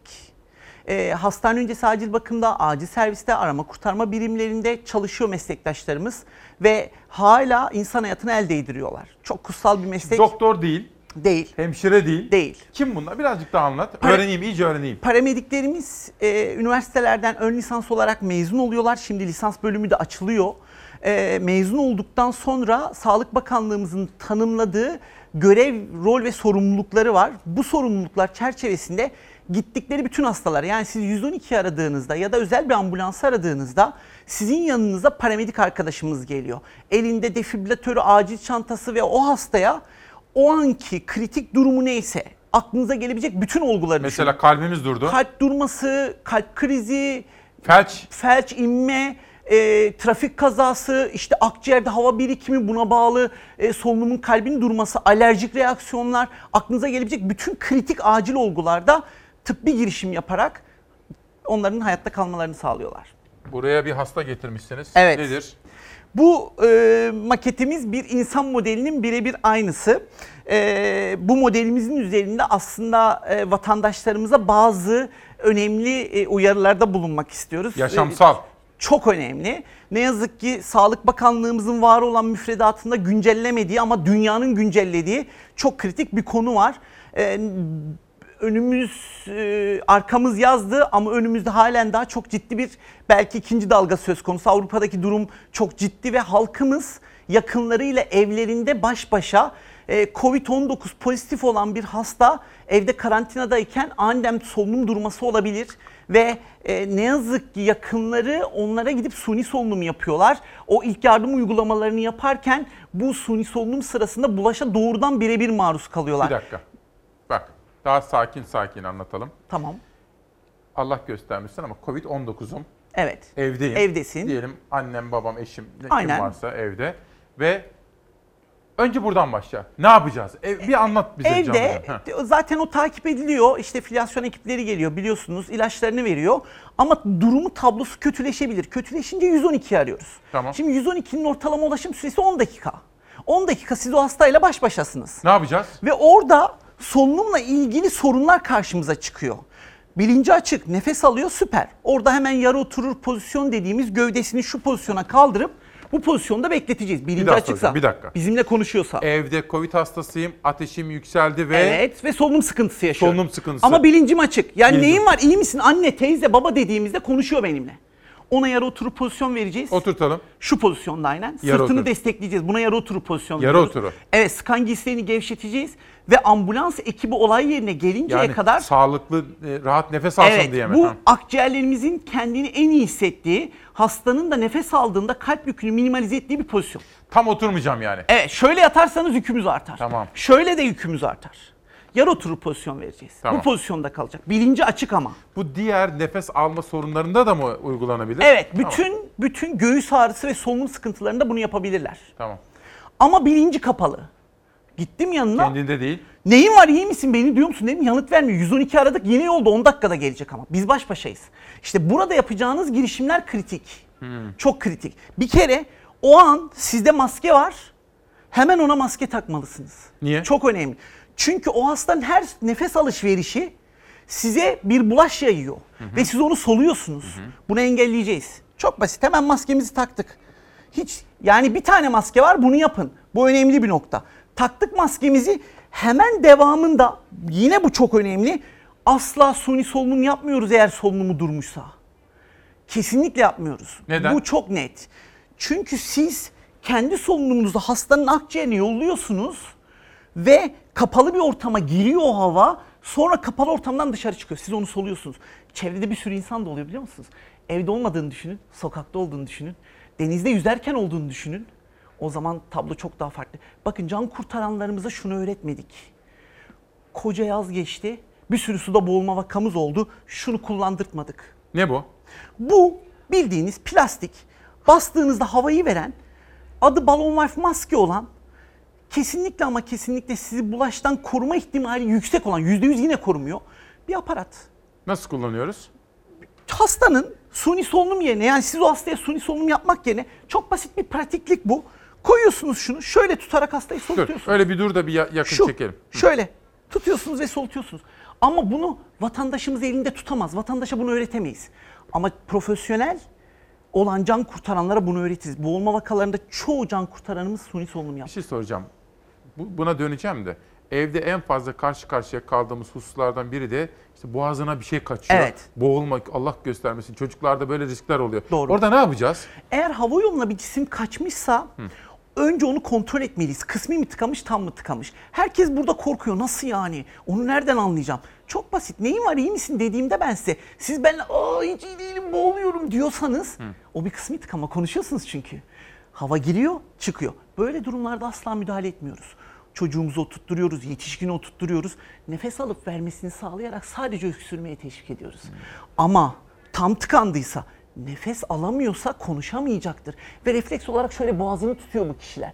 Böyle durumlarda hemen arkasına geçerek 5 kez sırtına vurmalısınız. Hemen devamında da göğsünüze yaslayıp 5 kez karından manevra yapmalısınız. Gösterebilir miyim Lütfen makette? gösterin. Şöyle düşünün. Hemen şöyle çevirdim Boğazına bakın. bir şey kaçtı. Yanındayım. Boğazını tuttuğunu düşünün. Şöyle durdum. Beş kez sırtına vuruyorum. Ayakta olduğunu düşünün şöyle. Beş kez sırtına vurdum. Çıkmadı. Hemen yaslıyorum göğsüme bakın şu şekilde. Evet. Göbek deliğimizin üç parmak üstüne elimi şöyle yerleştiriyorum. Diğer elimi bağlıyorum bu çok önemli. Kaldırıp zıplatmak yok burada. Öne ve yukarı. Öne ve yukarı çekiyorum. Şu bakın. Bu hayat kurtarıcı. Ve cisimlerin büyük bir bölümü çıkıyor. Yaşayan e, vefat etti bir göğüs cerrah uzmanının bulduğu bir manevra. Hemlih manevrası hayat kurtarıcı mükemmel bir manevra. Bir şey daha. Benim çocukluğumda gördüğüm, çok sevdiğim bazı arkadaşlarımın da başına gelmişti de evde ben akrabalarıma, tanıdıklarıma ya da küçük çocuğu olanlar hep onu söylüyorum. Aman diyorum işte ocağın başında veya evde küçükken soba vardı. Sobanın Evet. başında su, kaynar su filan. Yanık meselesini sormak istiyorum. Yanık Allah korusun ama öyle bir şey olduğunda ne yapacağız? Yanıkta ne yazık ki toplumumuzun hala çok yanlış uygulamaları var. Yanıkla karşı karşıya kaldığımızda yapmamız gereken şey şu olmalı. Çok seri hareket etmeliyiz bir kere. Bu önemli. Küçük müdahaleler de gelecekte çok önemli ve kaliteli bir şekilde yaşamını devam ettirmesini sağlıyor. Bir, o kaynaktan uzaklaştıracağız onu. Üzerinde bulunan kıyafetleri keserek çıkaracağız. Asla ve asla kız çocuklarında özellikle çaydanlık dökülüyor, kilotlu çoraplar oluyor, jart diye çıkarıyor anneler. Yapmamalılar bunu. Hemen bir suyun altına götürecekler. Orayı yıkarken kıyafetleri keserek çıkaracaklar. Çok basit bir uygulama. Peki. Şimdi Paramedik Derneği Başkanı sizinle Covid-19'u, sağlıkçıları bak bugün manşet seçtik. Acil kadro. Nasıl? Evet, çok önemli. Bu konuda çok teşekkür ederim. Bu konuda mesaj alacağım sen ama bir dakika. Kesinlikle. Bir konuyu birazcık değiştirmem gerekiyor. Bugün çünkü akış biraz değişti. Hilal hazır mıyız? Buraya mı döneyim? Peki. Sevgili Türkiye, bugün 25 Eylül. Sabah tabii biz eğitim, sağlık, deprem, Covid-19 bütün hazırlıklarımızı yaptık ama sonrasında 6 yıl önceki Kobani olayları vardı. O Kobani olaylarına ilişkin bir soruşturma kapsamında aralarında Sırrı Süreyya Önder'in de olduğu, Kars Belediye Başkanı Ayhan Bilge'nin de olduğu çok sayıda gözaltı kararı var. Ankara'ya gitmek istiyorum. Barış Kaya, günaydın. Çok merak ediyoruz gelişmeleri perde arkası. Bize özetleyebilir misin? Günaydın. Ee, tabii gözaltı kararı verilen isimler üzerinden baktığımız zaman e, soruşturmanın yeni bir evreye taşındığını görüyoruz. Aslında 6 yıl önceki dosyayı Ankara Cumhuriyet Başsavcılığı bugün raftan indirdi. E, hatırlanacaktır. E, Selahattin Demirtaş, Figen Yüksekdağ bu soruşturma kapsamında tutuklanmışlardı. Hala tutuklulukları devam ediyor ve 6 yıl aradan sonra Kobani olayları bahanesiyle sokağa dökülen, eylem kararı alan kişiler hakkında verilen bir soruşturma ve dolayısıyla bugün de yine o soruşturma kapsamında verilen gözaltı kararları var. 7 ilde 82 kişi hakkında bir gözaltı kararı. Başta Ankara e, olmak üzere, merkez Ankara olmak üzere Diyarbakır'da var bu iller arasında. 7 ilde şu dakikaya kadar elimize ulaşan bilgiler arasında Sırrı Süreyya Önder eski HDP milletvekili Aksaray'da gözaltına alındığını biliyoruz. Yine e, e, belediye başkanı HDP'nin belediye başkanı Ayhan, Ayhan Bilgen yine eski milletvekillerinden biri kendisi. Şu anda Kars Millet e, Kars Belediye Başkanı. O da gözaltına alınanlar arasında. Tabii HDP'nin MYK üyeleri, eski milletvekilleri e, ve belediye başkanları bu soruşturma kapsamında gözaltı kararı verilen isimler arasında yer alıyorlar. E, yine elimize ulaşan bir başka başka isimler de var. Mesela Altan Tan MYK üyesi kendisi sosyal medya hesabından duyurdu. Şu anda Diyarbakır'daki evimde evimden Ankara'ya götürmek üzere gözaltına alınıyorum diye paylaştı. Onun da gözaltına alındığını kendi attığı mesajla öğrendik. Ama diğer bazı isimler var. Ayla Akat Aka eski milletvekili, Emine Ayhan eski milletvekili, Gülfer Kaya MYK üyesi, Beyza Üstün eski milletvekili, Alp Altınörs MYK üyesi, Nazmi Gör eski milletvekili ve MYK üyesi ve Ali Ürt, Ürtküt MYK üyesi. Şimdi bu isimlere baktığımızda tabii da bizim bilmediğimiz henüz Ankara Cumhuriyet Başsavcılığı e, net bir liste yayınlamadı. Yani şu şu kişiler demedi. Tabii bu soruşturmanın bugün 25 E- Eylül itibariyle başlaması itibariyle böyle bir isim listesi de vermesi beklenmiyor. Zaten e, operasyon eş zamanlı yürüyor ve kim neredeyse hangi ildeyse o iller tespit edildi ve o illere sabah saatlerinde bir operasyon başlatıldı gözaltı kararları doğrultusunda ve şimdi tek tek bu insanlar gözaltına alınıyorlar. Ankara Cumhuriyet Başsavcılığı'nın e, vermiş olduğu yapmış olduğu açıklama elimde. Orada tabii çok önemli detaylar var. Tabii bundan 6 yıl önce Kobani olaylarıyla alakalı yaşanan süreçte 6-7 Ekim olaylarıyla ilgili yaşanan sürece bir vurgu yapılıyor ve e, şu anda gözaltı kararlarıyla alakalı suçlamalar da yer alıyor. Mesela onlardan bazıları nitelikli adam öldürme 37 kişi hayatını kaybetmişti. Adam öldürmeye teşebbüs, mala zarar verme, alıkoyma, hırsızlık, yağma, iş yeri ve konut dokunulmazlığını ihlal, Türk bayrağını yakma gibi pek çok madde var.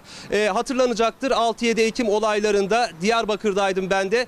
Çok sayıda banka e, yakılmıştı, yıkılmıştı. Tabii şimdi Ankara Cumhuriyet Başsavcılığı orada mala zarar vermeleri de şimdi bu soruşturmaya 6 yıl sonra raftan indirdiği soruşturmaya koymuş. E, şimdi niye 6 yıl önce Figen Yüksekdağ ve Demirtaş bu davadan tutuklandılar ya da bu soruşturmadan tutuklandılar. 6 yıl sonra ne oldu diye düşünüyoruz. Şimdi burada dikkat çeken şu e, zaten terör suçları soruşturma bürosu 2014 yılında başlatılan soruşturmanın şu ana kadar iki tutuklusunu işaret etmiş Demirtaş ve Yüksekdağ.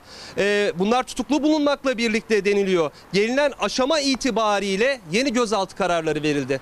E, tabii şimdi Ankara Cumhuriyet Başsavcılığı'nın elinde önemli bilgi ve deliller var. 6 yıl sonra yeniden soruşturmayı devam ettirme, genişletme kararı almış. Ama biz bunun ayrıntılarını bilmiyoruz. E, neden bugün? Bunları da tabii ilerleyen süreçte öğreneceğiz. E, biraz önce de ifade ettiğimiz Evet. gibi Kobani bahanesiyle 2014 yılında düzenlenen bazı olaylar vardı. Kobane e, olayları e, aslında Aynel Arap diye biliyoruz biz o bölgeyi. E, buna ilişkin soruşturmada 7 il ve 82 kişi hakkında verilen bir gözaltı kararı, bir soruşturma e, gün içinde de takip etmeye Peki. devam edeceğiz İsmail Küçükkaya. Barış Kaya çok teşekkür ediyorum. Takip etmeyi sürdüreceğiz. Bir şey olursa tekrar bağlanabiliriz. Teşekkürler.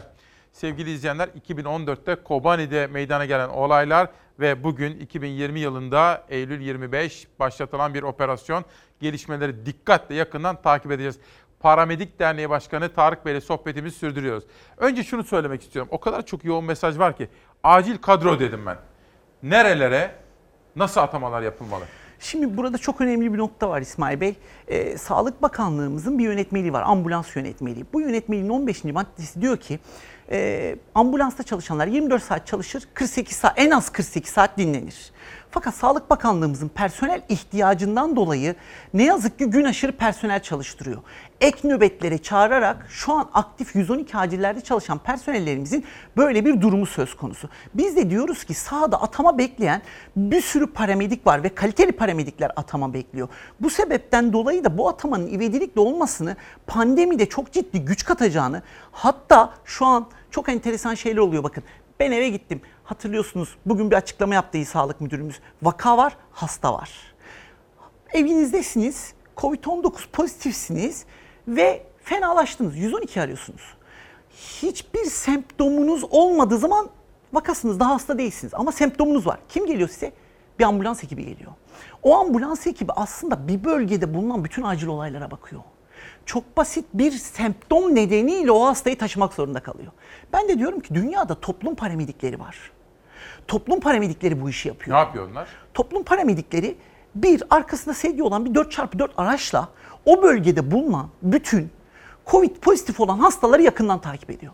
Tek işi bu. Sabahtan akşama kadar acil bir durum mu oldu? Çat telefonla toplum paramediğine ulaşıyorsunuz.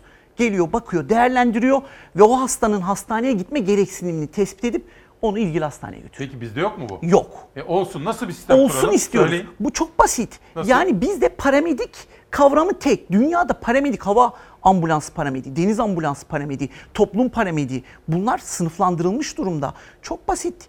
Bir yönetmelik, bir mevzuat çok kolay. Ve atama bekleyen birçok paramedik arkadaşımıza şu an önümüzde 18 bin 20 binlik bir atama durumu söz konusu. Paramedik ataması mı? Hayır. Sağlık personeli ataması. Burada Yetmez ki 18 bin yeter mi? Yetmez tabii Çünkü ki. ikinci dalga korkusu Tabii. var. Doktor, hemşire, paramedik, ambulansçı her Ve türlü. bir taraftan da hasta oluyor sağlık emekçileri. Yani evlerine gidip karantinada kalıyor. O yüzden en az 4000 paramedik ataması Bak biz bekliyoruz. bugün şöyle bir gazete yaptık. Şu anda sosyal medyada paylaşıyoruz. Acil kadro diyoruz. Sağlık Bakanı açıklaması var. Sizin burada Tarık Tabii. Balcı'nın açıklaması var. Bütün bunları da kullanıyoruz. Birazcık bize şey anlatır mısınız? Covid-19 zamanında ne yapıyorsunuz? Mesela ekstradan bir yük var karşınızda şimdi. Tabii ki. Ya şimdi var olan Sahada vaka ne görüyorsunuz? Var olan vakalara gidiyoruz.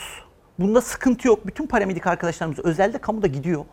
Bunun üzerine bir de çağrı geliyor size Covid-19 pozitif bir hasta var. Ona gidin diyorsunuz. O zaman kıyafetler giyilip gidiyor. Ama bir taraftan da sağlık çalışanları şöyle çağrı geldiğinde bütün vakalara kıyafetle gitmiyor. Sadece bir maskeyle gittiği vakalar da var. Orada bulaş riskimiz fazla. Şu an sağlık çalışanlarımız bir tek ambulanstaki paramedikler değil. Onun dışında acil serviste çalışanlardan tutun da oradaki temizlik görevlisine kadar herkesin riski var. Ve bu risk ikinci dalgada çok daha fazla artacak. Ve yorulduk. Çok önemli. bu. Yoruldunuz mu? Yorulduk. Özel, Bakanlığın Bana en çok gelen mesajlardan birisi, kamuoyu da tabii takip ediyorum ama özelde çalışan sağlıkçılar da yorulduk, bittik Evet. diyorlar. Üvey evlat muamelesi görüyorlar. Ve bu konuda çok üzgünüz. Şu an özel bir ambulansta bir paramedik 15-20 tö- nöbet tutuyor İsmail Bey. 8 nöbet, 9 nöbet tutmalı. Ve bu arkadaşlarımız 15 nöbet karşılığı asgari ücretle çalışıyor. Sağlık Bakanlığı bakın çok ciddi bir nokta var burada. Üzülerek bunu belirtmek istiyorum. Ee, bundan 2 yıl önce yanlış hatırlamıyorsam bir mevzuat çıkarıldı. Hastanelerde kadrolu çalışan personeller temizlik kadrosunda, güvenlik kadrosunda gözüküyor diye meslek kodları belirlendi SGK tarafından. Niye belirlendi biliyor musunuz? Bu kişinin maaşı yüksektir ondan SGK'sı ödensin diye belirlendi. Bu yapıldığı andan itibaren paramediğin asgari ücretten çalışma şansı yok. Ön lisans mezunu ve siz onu kademe olarak yukarıdan çalıştırmalısınız. SGK böyle söylüyor. Aradım özellikle konuştum. Burada çarpıcı nokta şu. Sağlık Bakanlığımız bile sürücü paramedik kadrosu açtığında işçi kadrosu onlar asgari ücretten çalıştırıyor. Çok acı. Hazin. E, özel hastanede çalışanlar asgari ücretle çalışıp fazla çalışıyor. Ne yazık ki. Şimdi Üzücü. biraz daha devam edelim. Vaktiniz varsa bir 10 dakika daha size ağırlamak isterim. Lütfen Var tabii değil mi? seve seve tabii Tamam, ki. harika. Burada kalp masajını da göstermek istiyorum. Dönüşte bir kalp de mas- şok cihazı getirdim. Tamam. Bu artık toplumda halk kullanabiliyor. Tamam. İzninizle onu da Bu anlatmak ikisini isterim. dönüşte Tamam, göstereceksiniz. ki. bir reklama gideceğiz şimdi ama önce 3600 haberini alalım. 3600 haberini. Ada mutfağımız Zekai Altan'dan geldi. Tarihsel süreç içerisinde otantik Kıbrıs mutfağı. Bunu da bizim genel müdürümüze Cenk Söner'e armağan edeyim, imzalayalım. Savaşların kadını Songül Dündar. Genel müdürümüz Kıbrıslıdır da. Ve bu da Çalar Saat'in hikayesi Fikri Hür, Vicdanı Hür, İsmail Küçükkaya'dan yeni çıkan kitaplar. Bugün 15 ayrı kitaptan tanıtım yapıyorum. 3600 için verilen sözlerin takipçisiyiz. Haberi izliyoruz. Reklamlardan sonra devam ediyoruz. Polisleri kaç tür kandırıyor ya? 6 seçimdir polislere 3600 ek gösterge. En son 24 Haziran'da geldiğimizde ilk işimiz demişler. Emeklilik ek göstergelerini 3600'e çıkaracağız. Cumhurbaşkanı Erdoğan'ın 24 Haziran ve 31 Mart seçimlerinden önce verdiği söz memurlara 3600 ek gösterge İçişleri Bakanı Süleyman Soylu'nun kira çıkışıyla yeniden gündemde. Genel başkanına saray yaptırtacağına polisine lojman yaptırsaydı. Sayın Soylu muhalefetin sözcüsü gibi Allah'a şükürler olsun. Bakan Soylu polisler kiralar nedeniyle İstanbul'a tayin istemiyorlar dedi. Muhalefet iktidarın tutulmayan sözlerini hatırlattı. Böyle bir büyük yalan, böyle bir büyük vaat dünya siyaset tarihinde yoktur. Eskişehir mitinginde meydandaki polisleri şahit tuttu. İlk işimiz 3600'ü çözeceğiz dedi. 3600 ek göstergeyi soruyorlar. Bu müjdeyi ben verdim. Sözümdeyim. Seçimlerden sonra hemen hazırlıklar yapılmıştır. Ele alınacak konulardan bir tanesidir. Memurların tamamına bu meclis açıldığı günden itibaren söylüyoruz. Memurlara 3600 ek göstergeyi getirin. Getirin bu insanlar nefes alamıyor artık. Polislerimiz var, öğretmenlerimiz var, hemşirelerimiz var, din görevlilerimiz var vesaire. Yani hepsini bu 3600'den yararlandıracağız. Öğretmenlere sözü var tutmuyor. Din görevlilerine sözü var tutmuyor. İnfaz koruma memurlarına sözü var tutmuyor. Çık ya 3600 ek göstergeyi bugün çöz ya da sus. CHP 3600 ek gösterge sözünü tut diye seslenirken Erdoğan'a İyi Parti hazinede memura ayrılacak bütçe kalmadığını iddia etti. Yandaşlara para aktarmak için geçmeyen arabalara, köprülere, tünellere para ödeyince 3600 ek gösterge bekleyen memurlara para kalmıyor. Süleyman Soylu'nun kira itirafı, muhalefetin ısrarla hatırlatmaları, 2 yıldır seçim dönemlerinde gündeme gelen ama meclise bir türlü gelemeyen 3600 ek göstergede bir adım atılacak mı? Gözler Erdoğan'da. 25 Eylül 2020 Cuma sabahında İsmail Küçükkaya ile Demokrasi Meydanı'ndasınız efendim. Sabah 8'den itibaren konuştuk. Eğitim, sağlık, deprem, spor, hayatın içindeki bütün haberler, ekonomi, tarım her birini konuşmaya çalışıyoruz. Sağlıkla ilgili daha söylenecek sözlerimiz var. Başkaca bağlantılarım da var.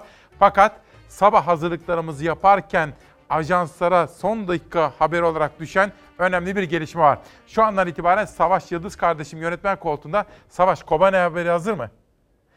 6 yıl önce meydana gelen Kobane olayları ve 2020'deki bir soruşturma. Günün manşetini atıyoruz.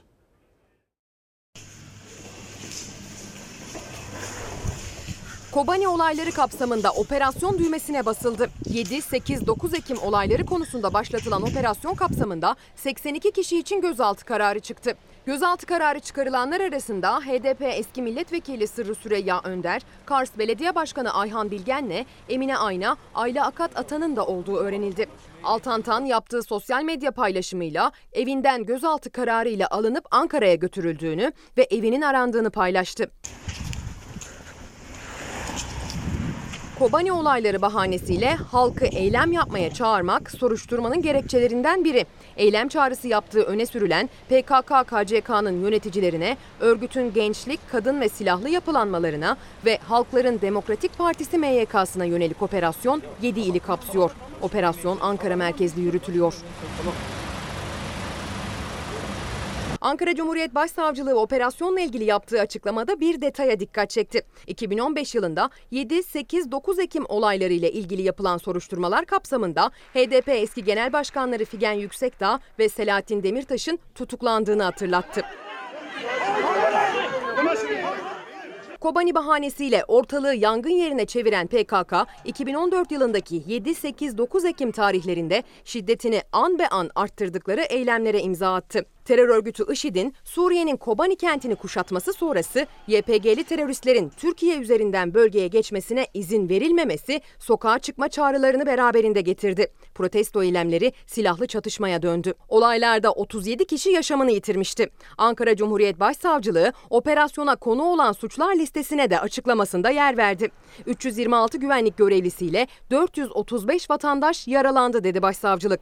Bunun yanı sıra 29 adam öldürmeye teşebbüs, 3777 mala zarar verme, 27 alıkoyma, 395 hırsızlık, 15 yağma, 308 iş yeri ve konut dokunulmazlıklarının ihlali, 13 Türk bayrağını yakma, 7 Atatürk'ü koruma kanununa muhalefet suçu işlendiği bilgisi açıklamada yer aldı. Bu arada şimdi bir haber ajanslara düştü. Ayhan Bilge'nin gözaltına alındığı anlar. Ayhan Bilgen, Kars Belediye Başkanı terörle mücadele polisleri tarafından evindeki aramadan sonra gözaltına alındı. Bu zırhlı aracın içine alındı. Bir dakika şunu baştan alabiliyorsam size bir kere daha göstermek isterim. Bir saniyenizi alacağım. Şöyle bir bakalım. Evet bakın. Ayhan Bilgen evet önde terörle mücadele polisleri gözaltına aldılar ve 4 gün gözaltı süresi var. Zırhlı araca bindirildi. İşte bu gelişmeleri biz takip ediyoruz arkadaşlarım. Hem bugün hem akşam ana haberimizde hem hafta sonu hem de pazartesi önümüzdeki hafta bunları konuşacağız. Paramedik tam derneğin adını bir daha bir söyler misiniz? Paramedik Derneği ben e, Yüksek İstişare Kurulu Başkanlığı yapıyorum. Tarık E, Balcı. evet, Tarık Balcı. Tarık Balcı. Şimdi Tarık Bey en son kalp masajını bir göstereceksiniz Evet. bize. Önemli. Sol- solunumu durduysa demiştik maskeniz varsa takın ve o kişiye 112 10 dakikada gelecek hemen kalp masajına geçin. Nereye masaj yapacaksınız? Göğsün tam merkezi dediğimiz bir yer var. Hastanın göğsünü açın ya da açılmayacak durumdaysa kış çok mont varsa elinizi böyle karın bölgesinin hemen üst tarafında e, göğüs kemiğimizin alt ucu var. Oraya yerleştirin. Diğerini de şu gerdan gerdanlıktan aklınıza kalsın üst tarafa yerleştirin ve tam orta noktaya elinizin topuğunu yerleştirerek ayağınızla şu şekilde bağlayın ve dik bir şekilde dirsekleri bükmeden kalp masajına başlayın. Niye bunu söylüyorum? Kalp masajı yaparken biz o hastaya nefes alıp verdirtiyoruz. O yüzden suni solunuma şu an için gerek yok. Ve bunu şu an şu dönemde bütün hastalarımıza, solunum durmuş bütün hastalarımıza böyle yapmamız lazım. Bu çok önemli. Peki. Ama AVM'deyseniz, havalimanındaysanız artık bu cihazlar var. Bu cihazlar otomatik eksternal Bu nedir? Onu bir anlatın bize Bu bir biraz. şok cihazı. Biz yetişkin insanlar ölürken kalbimiz titreyerek duruyor. Bu titremeyi tedavi eden iki şey var. Biri etkin efektif kalp masajı. Bu her daim yapmak zorundayız. Beyne oksijen yolluyor. Evet. Bir de bu cihaz. Bu cihaz o titreyen kalbe tokat atıp düzel diyor. Bunu yapan bir cihaz. Akıllı. Açtığımızda konuşmaya başlıyor ve iki tane yapışkın yapışkan pedi var. Bu pedi hastanın göğsüne yapıştırıyoruz. Yapıştırdığımız an itibariyle bakın direkt konuşuyor. Alıyoruz bunu hastanın göğsüne yapıştırıyoruz. Yapıştırdıktan sonra analiz ediyorum diyor. Analiz ediyorum dediğinde şok uygulaması için bakın dokunmayın dedi. Şimdi dokunmuyoruz. Analiz ediyor. Evet. Şok önerildi. Kendi kendine uygun şoku ayarlayıp şok veriyor. Ve bu cihazlar hayat kurtarıcı. O yüzden artık Sağlık Bakanlığımızda bunları her yerde Peki. bulundurma yönünde. Önemli bir cihaz. Şimdi son sözünüzü alacağım ama önce hastaneler, sağlıkçılar, ödenek. Savaş hazır mıyız?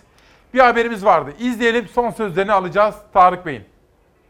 Sağlık çalışanlarına çalışın, ömrünüzden ömür verin ama sesinizi çıkartmayın, susun deniyor. Bakanlığın e, zor çevirdiği bir bütçe varsa ki ödemelerin gelmeyişinden biz onu anlıyoruz. Çok ciddi bir sıkıntı var. Hacettepe Üniversitesi Hastanesi içinde bulunduğu ekonomik sıkıntılar nedeniyle Temmuz ayından itibaren sağlık çalışanlarının yemeklerinden eti kaldırmıştır. Sağlıkçılar her fırsatta Sağlık Bakanı'na seslerini duyurmaya çalışıyor. Gece gündüz çalışma şartlarının düzeltilmesi için eylemdeler. Özlük haklarını alamıyorlar, yemek kaliteleri düştü.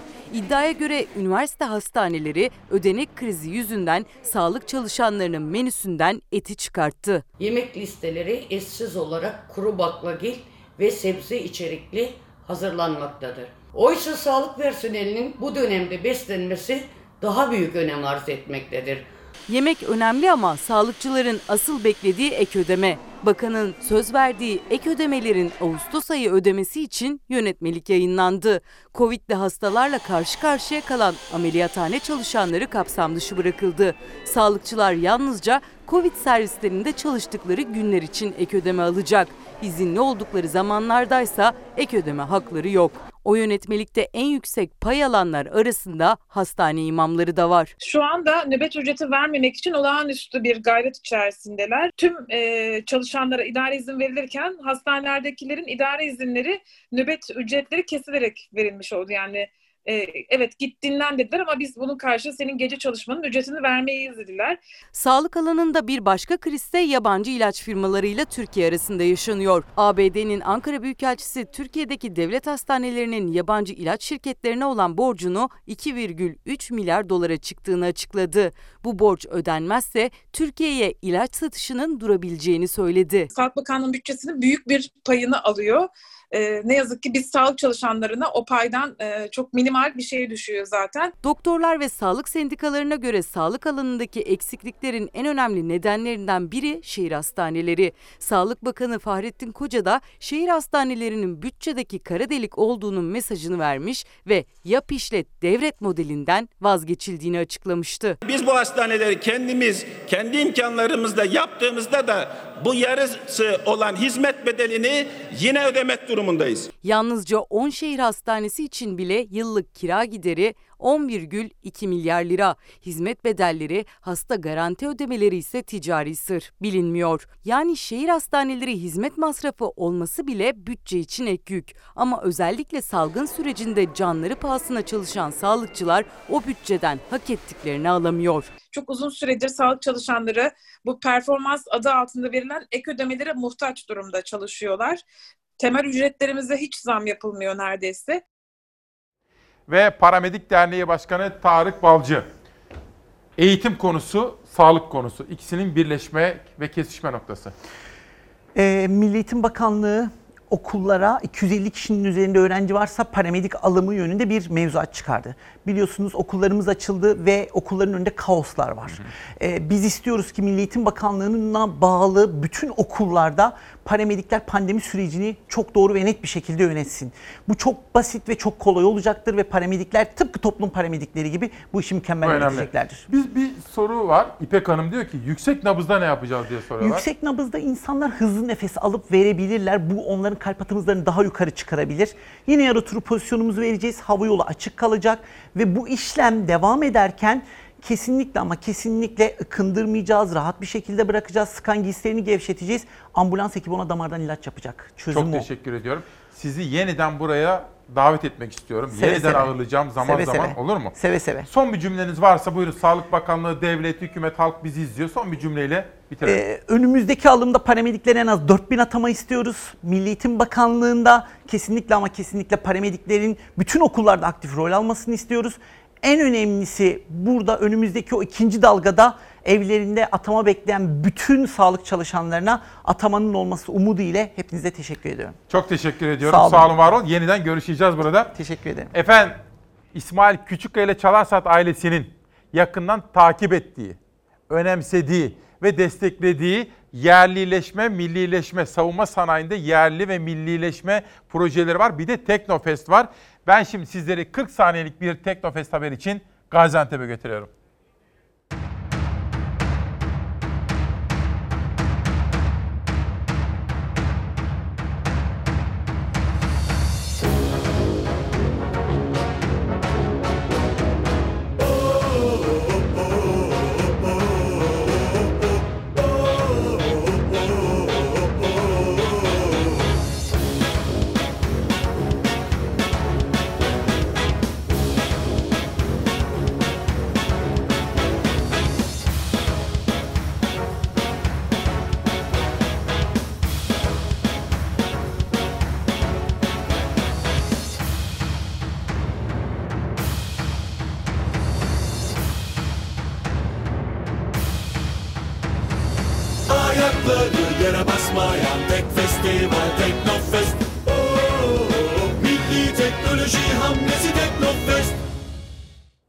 Geçen sene bizim editörümüz Zeray ve ekip de gitmişti. Havalimanında yapılıyordu. Atatürk Havalimanı'nda. Çok anlata anlata bitiremediler. Sonrasında ben işte konuştum. Takip ettiğim, önemsediğim projelerden biri Gaziantep'te festival var. Hatta hatırlarsınız geçtiğimiz hafta mıydı, ondan önceki hafta mıydı? Fatma Şahin, Gaziantep Büyükşehir Belediye Başkanı buraya geldi de Demokrasi Meydanı'nda bize de anlatmıştı. Savaş hazır mıyız? Evet Gaziantep'e gidiyoruz. Arkamda yerel gazeteler var. Karşımda Gaziantep'te bu işe gönül vermiş gençlerimiz teknolojiyle ilgilensinler, teknolojiye gönül versinler diyerek çalışan bir isim. Selçuk Bayraktar, günaydın, hoş geldiniz. Merhaba, sizler de hoş geldiniz İsmail Bey. Çok teşekkür ediyoruz. Selçuk Bey, şimdi heyecan bu sene tabii dalga dalga Gaziantep'e geldi. Bir dinlemek istiyorum. Neler oluyor orada? Birazcık anlatır mısınız bize? Tabii bu sene geçen seneden de fazla başvuru oldu. İlk yıl 2018'de İstanbul'da yaptığımızda 20 bin öğrenci başvurmuştu yüksek teknolojideki bu yarışmalarımıza. İkinci yıl 50 bin oldu bu sene. Onu da ikiye katladı. 84 ülkeden, 81 ilimizden 100 bin başvuru al- aldık. Tabii bu yarışmaların bir kısmının finalleri yapıldı. Kimisi Tuz Gölü'nde roket yarışması, kimisi insan hava aracı yarışması, kimisi sualtı robotu yarışması, kimisi insanlık yararına teknoloji. Şu anda da burada 1600 genç kardeşimiz, toplamda 5000 finalist var. Bu Gaziantep Orta Doğu Fuar Merkezi'nde 1600 öğrencimiz yarışıyor. Bir yandan da e, insansız sualtı sistemleri yarışması devam ediyor. Bir yandan da bugün yine başka bir yarışmamız Rum Kalesi'nde yapılacak. Tabii büyük bir coşkuyla Teknofest devam ediyor bu senelik Gaziantep'te. Seneye yine İstanbul'da ondan sonra yine, Anadolu'da yapacağız diyebilirim. Bu fikir nereden geldi Selçuk Bey? Hani ben sizi bir keresinde dinlemiştim. Saatler boyunca sizin bu konudaki ilginizi, merakınızı, yapmak istediklerinizi dinlemiştim ama bu fikri birazcık anlatır mısınız bize? Ne yapmak istiyorsunuz? Tabii biz Türkiye Teknoloji Takımı Vakfı'nı biliyorsunuz e, ülkemizin milli insan savarıcı İHA'ları ve SİHA'larını geliştiren, üreten en ufağından başlayarak 2000'li yıllardan itibaren yaklaşık 20 senedir geliştiren bir firmayız Baykar. Ben orada da teknik müdürlük vazifesini yürütüyorum 2007'den beri. 2005'te 5,5 kiloyla başlayan bir ser- serüven bugün 5,5 tonluk. Akıncı'ya hatta son dönemde de bütün dünyada büyük ilgi gördü. E, uçan arabaya e, geldi diyebilirim. Be, bu Akıncı 5,5 tonluk Akıncı dünyada kendi sınıfında en modern insansız hava aracı olacak çıktığında. Şimdi biz bu macerayı, bu serüveni yaşadıktan sonra elbette e, türlü badireler, türlü zorluklar atlattıktan sonra e, bu noktaya geldi. Dedik ki tabii ki bir çiçekle bahar gelecek değil. Türkiye'nin binlerce Selçuk bayrakları, on binlerce Selçuk bayraklardan daha yetenekli genci var. Asıl mesele bunların önünü açabilmek. Asıl mesele milli teknoloji hamlesi dediğimiz hayal edip sadece teknolojiyi kullanan değil, hayal edip araştırıp geliştiren ve sonra üreten Türkiye hayalini gerçekleştirmek. Bu da ancak toplumsal bir seferberlikle mümkün. Adeta toplumun her kesiminin sahiplendiği, 7'den 70'e her kesiminin sahiplendiği bir toplumsal dip dalgayla mümkün. Bu maksatla da e, Türkiye Teknoloji Takımı Vakfı'nı kurmuştuk ve Teknofest bu yüksek teknolojinin ki yüksek teknoloji üretmek için dünyada baktığınızda en büyük dönüşüm, değişim e, yüksek teknolojiyle geliyor artık bugün hayatımıza, sosyal yaşantımıza kadar uzanıyor. Bunu yapanlar da gençler büyük oranda ve genç girişimciler. Peki bütün hem toplumdaki bu dönüşümü sağlamak hem de Evet. e, bu genç proje, gençlerin projelerinin önünü açmak için ne yapmamız lazım? Biz dedik ki bir festival düzenleyelim. Yani dünyada bunun örneklerine bakacak olduğunuzda biraz daha ticari fuarlar işte veya tek başına yarışmalar ki gelece geleceğinin teknolojileriyle alakalı yarışmalar örnek vereceğim. Bugün akıllı arabalardan bahsediyoruz. Evet, ben 2000 evet. yıl- 2000'li yıllarda ABD'de araştırma görevlisiyken MIT'de oradan burslu orada bir yarışma düzenledi oranın e, araştırma ajansı e, 2004'te çok yüksek ödüllü bir araştırmaydı. Bütün dünyadan başvurular, başvurular oldu ve o günden sonra akıllı arabalar dünyada doğmaya başladı. Yani yeni bir alan kurulurken dünyada teknolojide e, onun temelleri atılırken bu gibi yarışmalara başvuruluyor. Daha öncesine döndüğümüzde de yine otomotivde bunu görüyoruz. E, bugün o akıllı arabaları o yarışmaya katılanlar o akıllı arabayı arabaları dünyada otonom arabalar diyoruz ya. Evet. e, onları yapan kişiler. Biz de 20 farklı alanda yarışmalar düzenleyelim dedik. Bunu da bir festival coşkusuyla birleştirelim. Tüm toplumun önünde bu genç kardeşlerimiz sergilensin yetenekleri, maharetleri. Yani marifet biliyorsunuz iltifata tabidir. Yani bu genç Tabii. kardeşlerimiz genç kardeşlerimizin yaptığı işler en az popüler konuların, işte futbolcuların e, onda biri kadar önemli. Biz inanıyoruz ki o değeri görecek olsalar ülkemiz uzayda, havacılıkta, teknolojide hak ettiği yere gelir. Bunu tabii gösterilerle de süsledik. Ee, sağ olsun tabii çok büyük bir takım oyunu Teknofest. 63 kurum birden yapıyor. Kimisi akademik kurumlar, kimisi teknoloji şirketleri, kimisi kamu kurumları. E, Türk Silahlı Kuvvetleri de gösteri yapıyor. İşte özel gösteri takımları da gösteri yapıyor. Hem bu gösterilerle de süsleyip toplumda buluşmasını bir şekilde hem bu yarışmaların hem Türkiye'nin başardığı savunma sanayinde özellikle büyük bir atılım yaptı Türkiye son 15 yılda. %15'lerden yerlilik oranı %70'lere kadar vardı. Biz tabii ki tek başına savunma sanayiyle Türkiye'nin bu teknolojik dönüşümü olmayacak.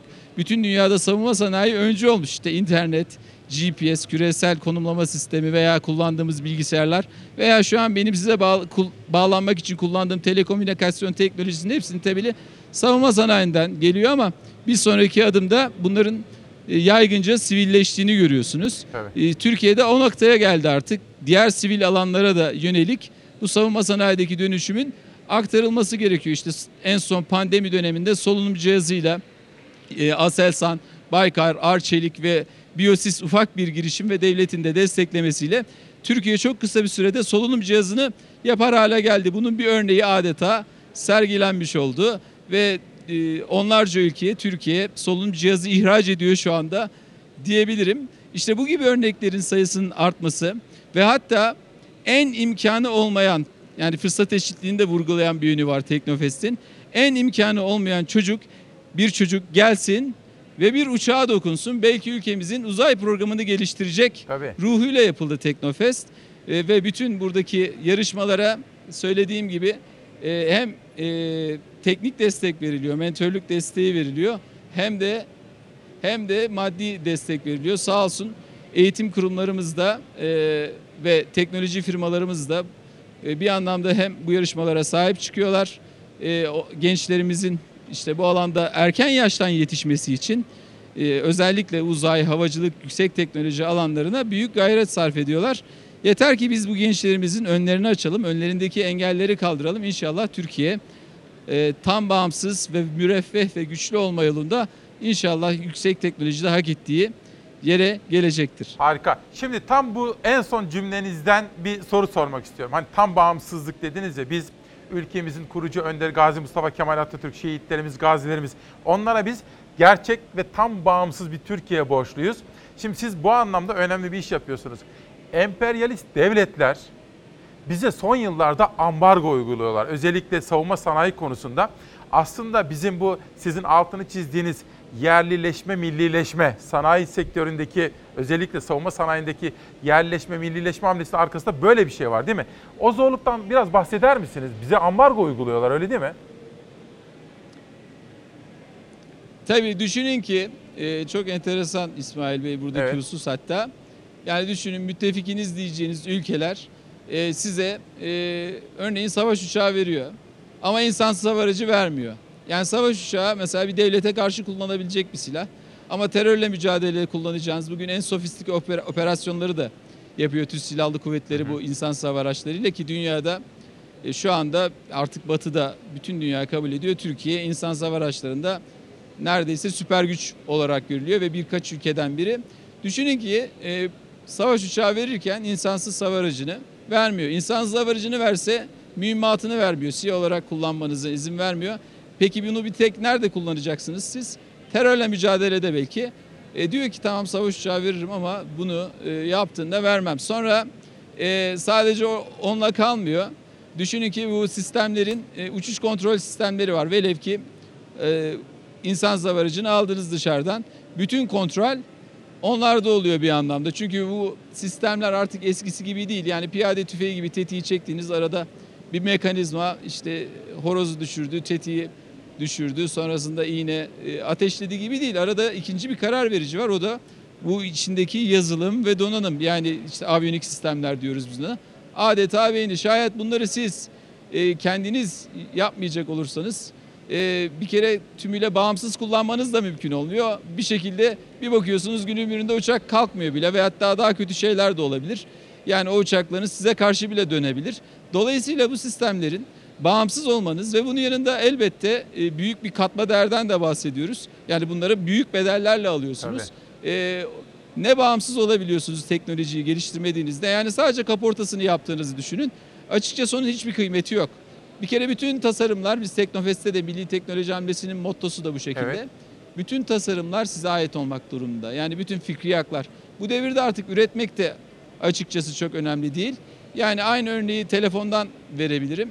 Düşünün ki Çin bütün dünyanın telefonlarını üretiyor bugün itibariyle. Amerika Birleşik Devletleri'nin geliştirdiği telefonları da üretiyor. Ama peki asıl asıl e, Yazılım. katma değeri kim elde ediyor? Onun Yazılım. tasarımını yapanlar. Yani or aynen yani fikri haklar kimdeyse, tasarım tasarım kabiliyeti kimdeyse e, o elde ediyor. Aynı şey savunma sanayinde de geçerli. Şayet siz bu sistemlerin asıl katma değerli yazılımlarını, donanımlarını yani beyin sistemlerini bir anlamda e, tasarlamıyorsanız işte marka hakkı sizde değilse e, bir kere hem bağımlı oluyorsunuz kontrol başka yerde oluyor.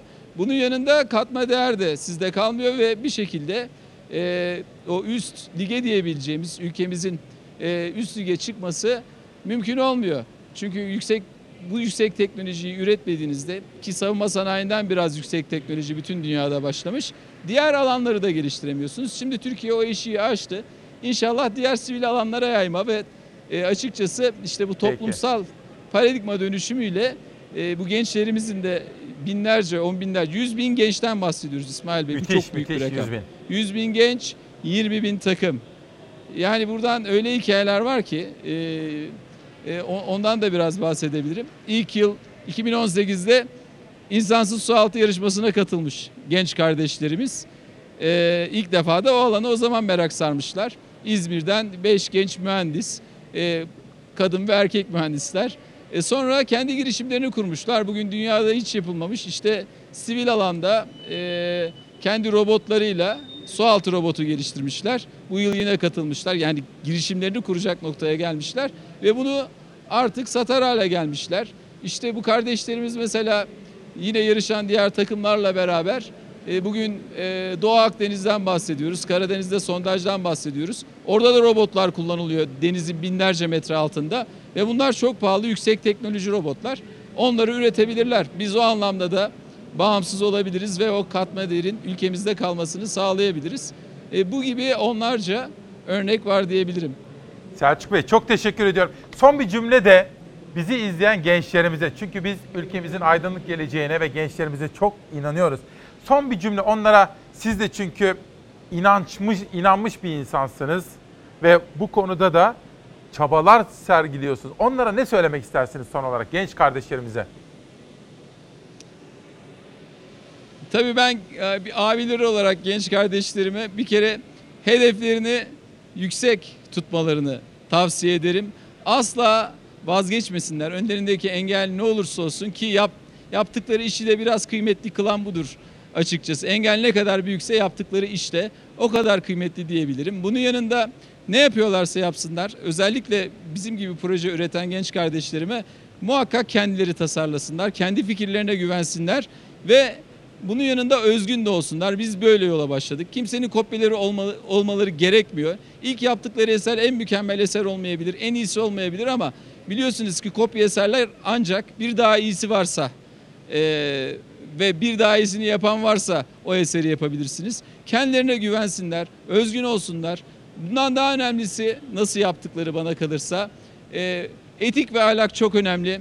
Gökyüzü yalan kabul etmez. Asla e, doğru yoldan, etikten, e, dürüstlükten ayrılmasınlar. Uzun vade, orta kısa vadede olmasa da orta vadede, uzun vadede muhakkak kazanan onlar olacaktır. Bunun yanında daha da önemli gördüğüm bütün bu serüvenlerini niye yaptıkları ki burada kendilerinden öte yaşadıkları toplumu, ondan öte milletlerini, ondan da öte insanlığı en üste koysunlar. Ben abileri olarak e, bunu paylaşmak istiyorum. Ben böyle yapmaya gayret ettim. İşte Allah'a şükür bugün bir noktaya geldi. Bugün de yüz binlerce, yüz bin genç kardeşimiz de Teknofest yine yarışmalarla devam ediyor. Ben inanıyorum ki onlar da bayrağı alıp çok daha yükseklere taşıyacaklar. Hatta taşımaya başladılar bile. Ee, sizler de Teknofest heyecanını, Türkiye'nin milli teknoloji hamlesi paradigmasını ve bu değişim rüzgarını anlatan bu heyecanı ülkemizde e, ekranları başında izleyen izleyicimiz, izleyicilerimizle buluşturduğunuz için sizlere ayrıca teşekkür ediyorum. Sağ olun. Rica İsmail ederiz Bey. Selçuk Bayraktar. Size de çok teşekkür ederim. Lütfen annenize, babanıza, abinize de selamlarımı iletin olur mu? Çok teşekkür ediyorum. Evet sevgili Türkiye'm Gaziantep'te hepinizi heyecanlandıracağını düşündüğüm bu önemli proje. Bir günü kapattık beraber, bir haftayı daha beraber kapattık. Önümüzdeki hafta pazartesi günden itibaren sürprizli yayınlarımız da olacak. Hemen şunu söyleyeyim. Saadet Partisi lideri Temel Karamollaoğlu geliyor. Bir de Kuzey Kıbrıs'tan bir bağlantımız olacak. Pazartesi söyleyeyim, salı sürpriz olarak kalsın.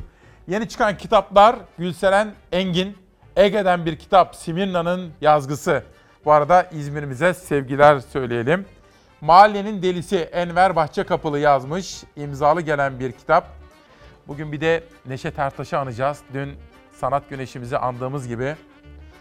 Mavi Çarşaflı Kadın Mahmut İldoğan'dan gelen bir kitap. Bu kitapları da Çalar Saat ailesi unsurları, üyeleri sizler yazıyorsunuz. imzalı yolluyorsunuz bana sağ olun. Özgür Aras henüz tanışmadık diyor. Tuğba Erlik Anlatamadıklarım isimli kitabıyla çıkmış. Efendim bu akşam tabii akşam Selçuk Tepeli'nin sunacağı ana haber bültenimizde bu Kobane olaylarıyla ilgili soruşturma da olacak. Eğitim, sağlık, ekonomi pek çok haberde akşam ana haberimizde izleyebilirsiniz efendim. Bizimle olduğunuz için, bize yarenlik yaptığınız için çok teşekkür ediyorum. Büyük ozanımızı Neşet Ertaş'ı saygıyla, özlemle anıyoruz. Buyurun. Saygısızlık olmasın. Ceketimi çıkartabilir miyim?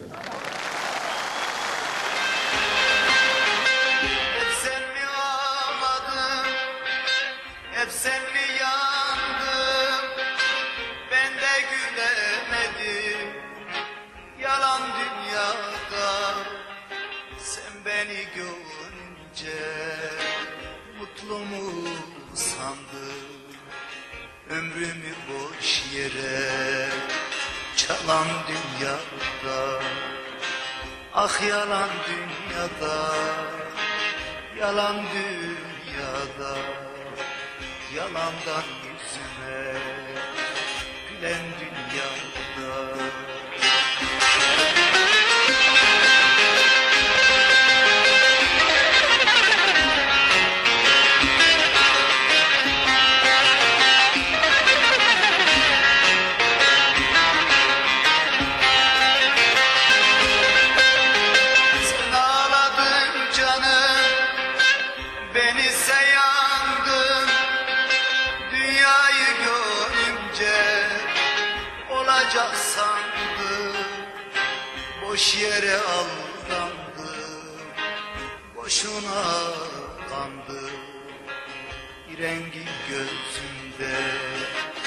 Solan dünyada. Ah yalan dünyada. Yalan dünyada. Yalandan yüzüme Gülen dünyada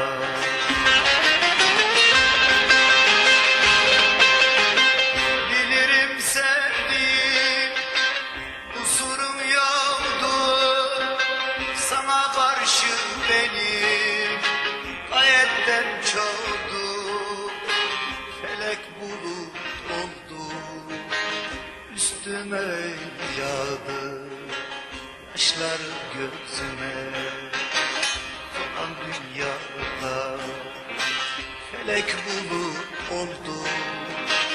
Üstüme yağdı Yaşlar gözüme. Dolan dünyada Ah yalan dünyada Yalan dünyada Yalandan yüzüme Gülen dünyada